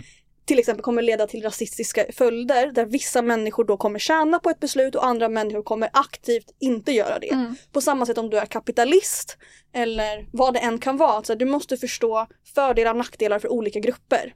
Mm. Och då om du är en turf, om du själv identifierar dig som turf så har du egentligen förståelse för att du är det och att det Mm. leder till att du aktivt vill motverka vissa människors rättigheter. Eller så har du inte den förståelsen. Så jag tror att om man ska prata om den gruppen människor så måste man först förstå är det här, pratar vi en grupp politiska människor som är fullt medvetna om vad deras eh, åsikter betyder i praktiken? Mm. Mm. Eller är det en person som inte har någon relation till intersektionalism och inte har en förståelse av vad det här leder till och bara har hört ett begrepp och sen tänker så här, det är klart att kvinnor ska ha separatistiska rum. Mm. Alltså nu är inte det det enda de tycker. De tycker Mm. till exempel att folk inte ska få vård och så vidare. Att Så- folk inte ska få vård. Ja men kunna få könsbekräftande vård, alltså att det är Ah. till exempel. Att, Mm. Eller de kan tycka Okej, att personer som har fått det aldrig kommer vara kvinnor och aldrig kan förstå dem och massa saker. Det kan ju, alltså att, att vara en turf kan ju betyda jättemycket olika saker. Mm. Så att jag tror att vi först måste veta har Mm. personen självinsikt eller inte för att kunna ta dialogen om den personen och riskerna med att ha det beteendet. På Jag, samma sätt som en rasist. jag tänker ju att någon som är turf, jag, jag kanske är okunnig, men jag tänker att någon som har de åsikterna att säger att cis-kvinnor är kvinnor. Mm. Eh, transkvinnor är någonting annat. Mm. Och det är inget fel att vara någonting annat. Man kan vara liksom, man behöver inte tycka illa om en eh, transkvinna för, för att man tycker att det är någonting annat, precis som man inte behöver tycka illa om en man för att det är någonting annat. Men att de säger att, en, att, att cis, en kvinna är en cis-kvinna och en transkvinna är inte en kvinna. Eh, på vilket sätt tar det bort rättigheter? Ja, till exempel om man säger att så här, säg att du av samhället ses som en kvinna Mm. och du ser dig själv som kvinna, men du föddes inte som kvinna. Mm. Och, så, och så ska du gå på toaletten. Mm. Då är det, och du har könsbestämda toaletter. Då kan det ju bli otroligt problematiskt om du tvingas gå på den toalett där du inte ses som det. Alltså om du Mm. då går på en herrtoalett men alla herrar där inne kommer se dig som en kvinna. Mm. Du kan ju till och med eventuellt utsätta dig själv för en risk. Eh, Jag, jag kan ju förstå att den, den typen av situation kan uppstå, men jag vet inte om jag skulle kalla det en rättighet. Nu, nu, när jag tänker på rättigheter tänker jag i, i, i lagens ögon vad, hur, folk behandlas. mm. Eh, alltså, samhället kommer aldrig bli fritt från awkward situationer. Man kan vara en cis-man som ser väldigt feminin ut och hamna i awkward situationer Mm, utan att det har någonting med, med, med trans att göra. Så de här sakerna kommer ju uppstå, vilken toalett man ska, man ska ta så. Men det, även om det är ett problem så är det inte samma sak som att inskränka på någons rättigheter, tänker jag. Mm. Men vilka Mm. är det, vad är det för rättigheter det skulle kunna vara? För att jag har svårt att... Ja, det, det, Se det var ju exempel på. som, som lyfte att de vill, de vill inte att alla ska ha samma rättigheter. Att turfs som ser det på det här sättet vill inte ha, ha samma, Mm. och, och då undrar jag vad, vad kan det vara? För, Ja, du menar för, det, så. för det är en sak att tycka att någon annan inte är en kvinna. Okej, fine, tyck det. Men Mm. Du, du nämnde att det inskränker på någons rättigheter och då undrar jag vad, vad, vad Men en rättighet sätt? kan ju vara rätt till asyl. En asylrätt. Okej. Till exempel. Att man kanske kan tycka att, eh, att vara en transperson inte ska vara en rättighet. Eh, att, Eller en eh, anledning. Eller en anledning att Mm. få asyl om du kommer från ett land där du till exempel kan eh, bli mördad för det. Mm. Eh, då utsätter du personen för att den kan dö om den ska fortsätta vara kvar i det land de, de skulle kunna bli mördade i. På grund men, av sin men är risken läggning. där att bli mördad för att man är transkvinna? Eller är risken för att någon annan inte ser en som kvinna? Det blir väl båda, tänker Mm. jag. Eh, för att om, om ingen vet om, om ingen kan se på dig att du identifierar dig som trans, då utsätter du dig inte i en social risk. Mer än eventuellt ditt egna mående, alltså suicidrisk. Mm. Men risk med andra människor är ju baserat på vad de tolkar dig som, Mm. såklart. Eh, jag tänker en annan sak kan ju vara det som vi pratade om, så här, rätten till vård. Att säga att man har ett land som Sverige där man betalar för gemensam vård. Mm. Att då kan det ju vara om du är turf till exempel, jag är ju själv inte det så jag ska kan inte spekulera, men nu spekulerar jag. Mm. Då kanske de tycker att det borde inte vara en del av den gemensamma vården. Jag vill inte betala för att någon ska få rätt till vård, gemensamma vårdpengar eller en vårdplats för någonting som jag inte tror på. För de kanske tror att det finns inga transpersoner, alla de Mm. ljuger till exempel. Okej, så till exempel vå- vård för att göra könskorrigering. Ja, den- eller, eller den till och med all vård överhuvudtaget. Det finns ju personer. Men det är ju absurt. Alltså, ja, men vi kan ju att, att, tycka... att neka någon vård på, på vad som helst är ju, är ju absurt. Det, det, ja, men det, det ja. tyder ju på att din människosyn är att människor ska ha rätt till vård. ja. Alla har ju inte den människosynen. Nej, men jag, jag, jag förstår inte hur någon som säger jag tycker inte att eh, transkvinnor är kvinnor på något sätt kan påverka om transkvinnor får vård. Ja, men till exempel om de är politiskt aktiva och lobbar för olika saker så kan ju Mm. de som grupp Det har vi sett i USA agera som en verklig politisk faktor. Okej. Så att Mm. det här, vi pratar ju, turf är ju ett politiskt begrepp där Mm. det finns, en, finns grupper människor som inte bara kallar sig själva för det, som aktiverar sig politiskt, lobbar för saker, är med i politiska partier, jobbar för att ändra hegemonin i samhället. Mm. Och på samma sätt som vi kan se en utveckling kring fascism i samhället eller en utveckling kring rasism så är ju att vara emot hbtq-personer eller transpersoner specifikt är ju en del av en icke-progressiv kultur.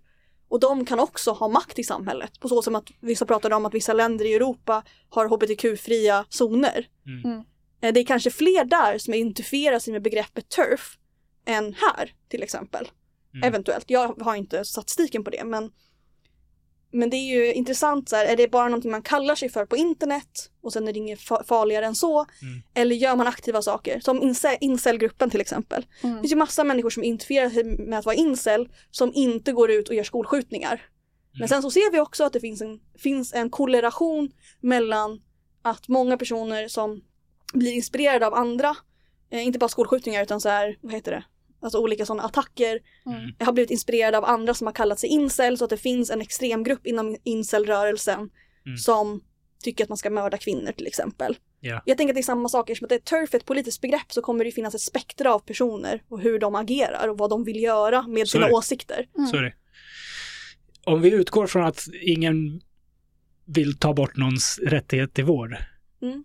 är det problematiskt i sig att ehm, säga att eh, en kvinna är en cis-kvinna, en transkvinna är en transkvinna och att det får vara olika benämningar, men alla får samma rättigheter, samma vård, eh, liksom det är inget problem. Inge, i, ma- att man inte tycker illa om någon, men bara att det är två olika kategorier av människa, precis som man och kvinna är två olika kategorier. Jag tror att i vissa rum kan det aktivt skapa risker Mm. eh, om man ska då separera de här personerna. Ja. Eh, För säg då till exempel att du är eh, till exempel så här, du är i skolan, du ska ha sexualundervisning och så säger du tjejerna går in i ett rum, killarna går in i ett rum. Eh, eller så, och då får folk själv bestämma vilket rum de ska till och beroende av hur de ser ut. Beroende på vad de ska Mm. få veta och vilken gemensam gruppkänsla vi ska skapa. Eller att någon annan delar in dem och säger du ska dit, du ska dit.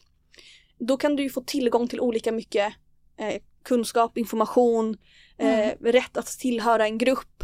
Så det kan ju göra att du får mer eller mindre möjlighet att bli en del av en gemenskap. Eh, och det i sig kan ju skapa då att om du inte får det, då blir du utanför och det kan också skapa risker. Till exempel att vi inte blir lika progressiva, att vi aktivt gör så att folk inte vill säga det de tycker eller inte vågar uttrycka sig, inte vågar komma ut lika tidigt, att de mår sämre till exempel.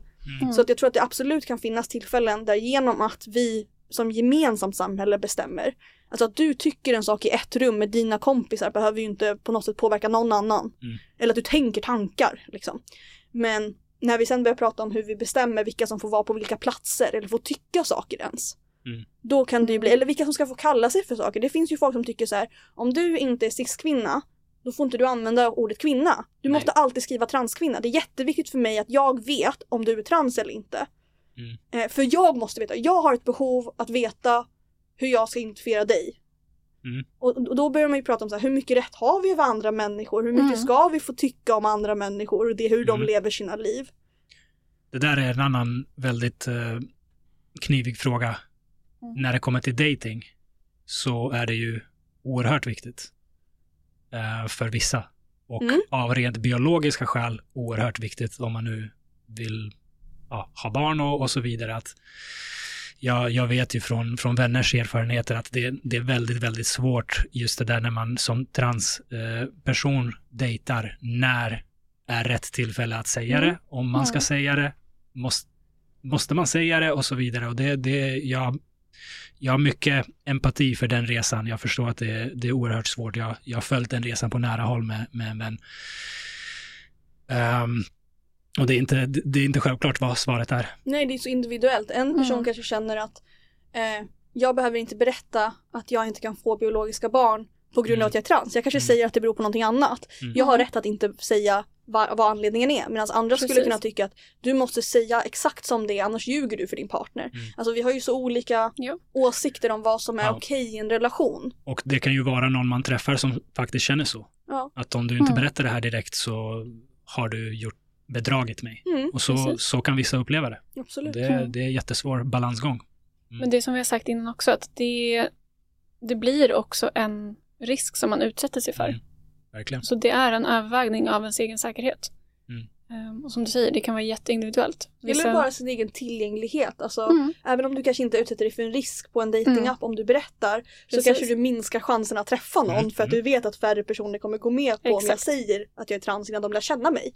Mm. Fler personer Ja. kanske skulle gå med på att träffa dejta mig om de bara känner mig Precis. innan de får veta att jag är trans. Och det där är ju liksom, behöver inte Ja. bara vara fysisk säkerhet utan Exakt. möjligheten att få vara med. Ja, men precis, att bli Ja. inkluderad. Ja. Mm. Ja, det är inte lätt. De här, de här Nej. frågorna är kniviga, vissa av dem. Mm. Och, och jag, jag hoppas att ni ändå uppfattar att min, min största önskan är bara att så få som möjligt ska ta till skada. O, Mm. Oavsett Mm. trans eller cis eller vad som helst. Bara att alla de här frågorna diskuteras så att vi går framåt som samhälle på ett sätt som skadar så få som möjligt. Och jag tycker att ni med era insikter och med det jobb ni gör på Stjärnjouren bidrar till det enormt.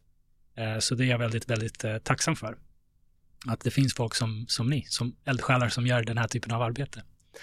Eh, vi har varit inne på en del tuffa frågor nu mot slutet. Tänkte att vi kanske kan avrunda med någonting positivt. Från ert arbete, från liksom det ni har sett i samhället i stort. Vad skulle ni säga är någonting som är väldigt bra idag som ja, har ändrats, som, som kanske inte såg ut så när ni började på Stjärnjouren, som, som, ni, som ni vill lyfta som ett jättefint exempel på att vi går åt rätt håll. Bidragspengar. Bidragspengar. Mm. Skön, alltså möjligheten att vi kan bedriva den verksamhet vi gör Mm. är också Mm. att vi kan ha personal som ser till att vi kan ha en lokal öppen, att vi kan ha datorer. Eh, alla de här sakerna som gör att vi som jourare, alltså vi som är volontärer har en plats att gå till. Mm. Det är ju baserat på att vi får pengar och att vi Ja. inte behöver betala det själva.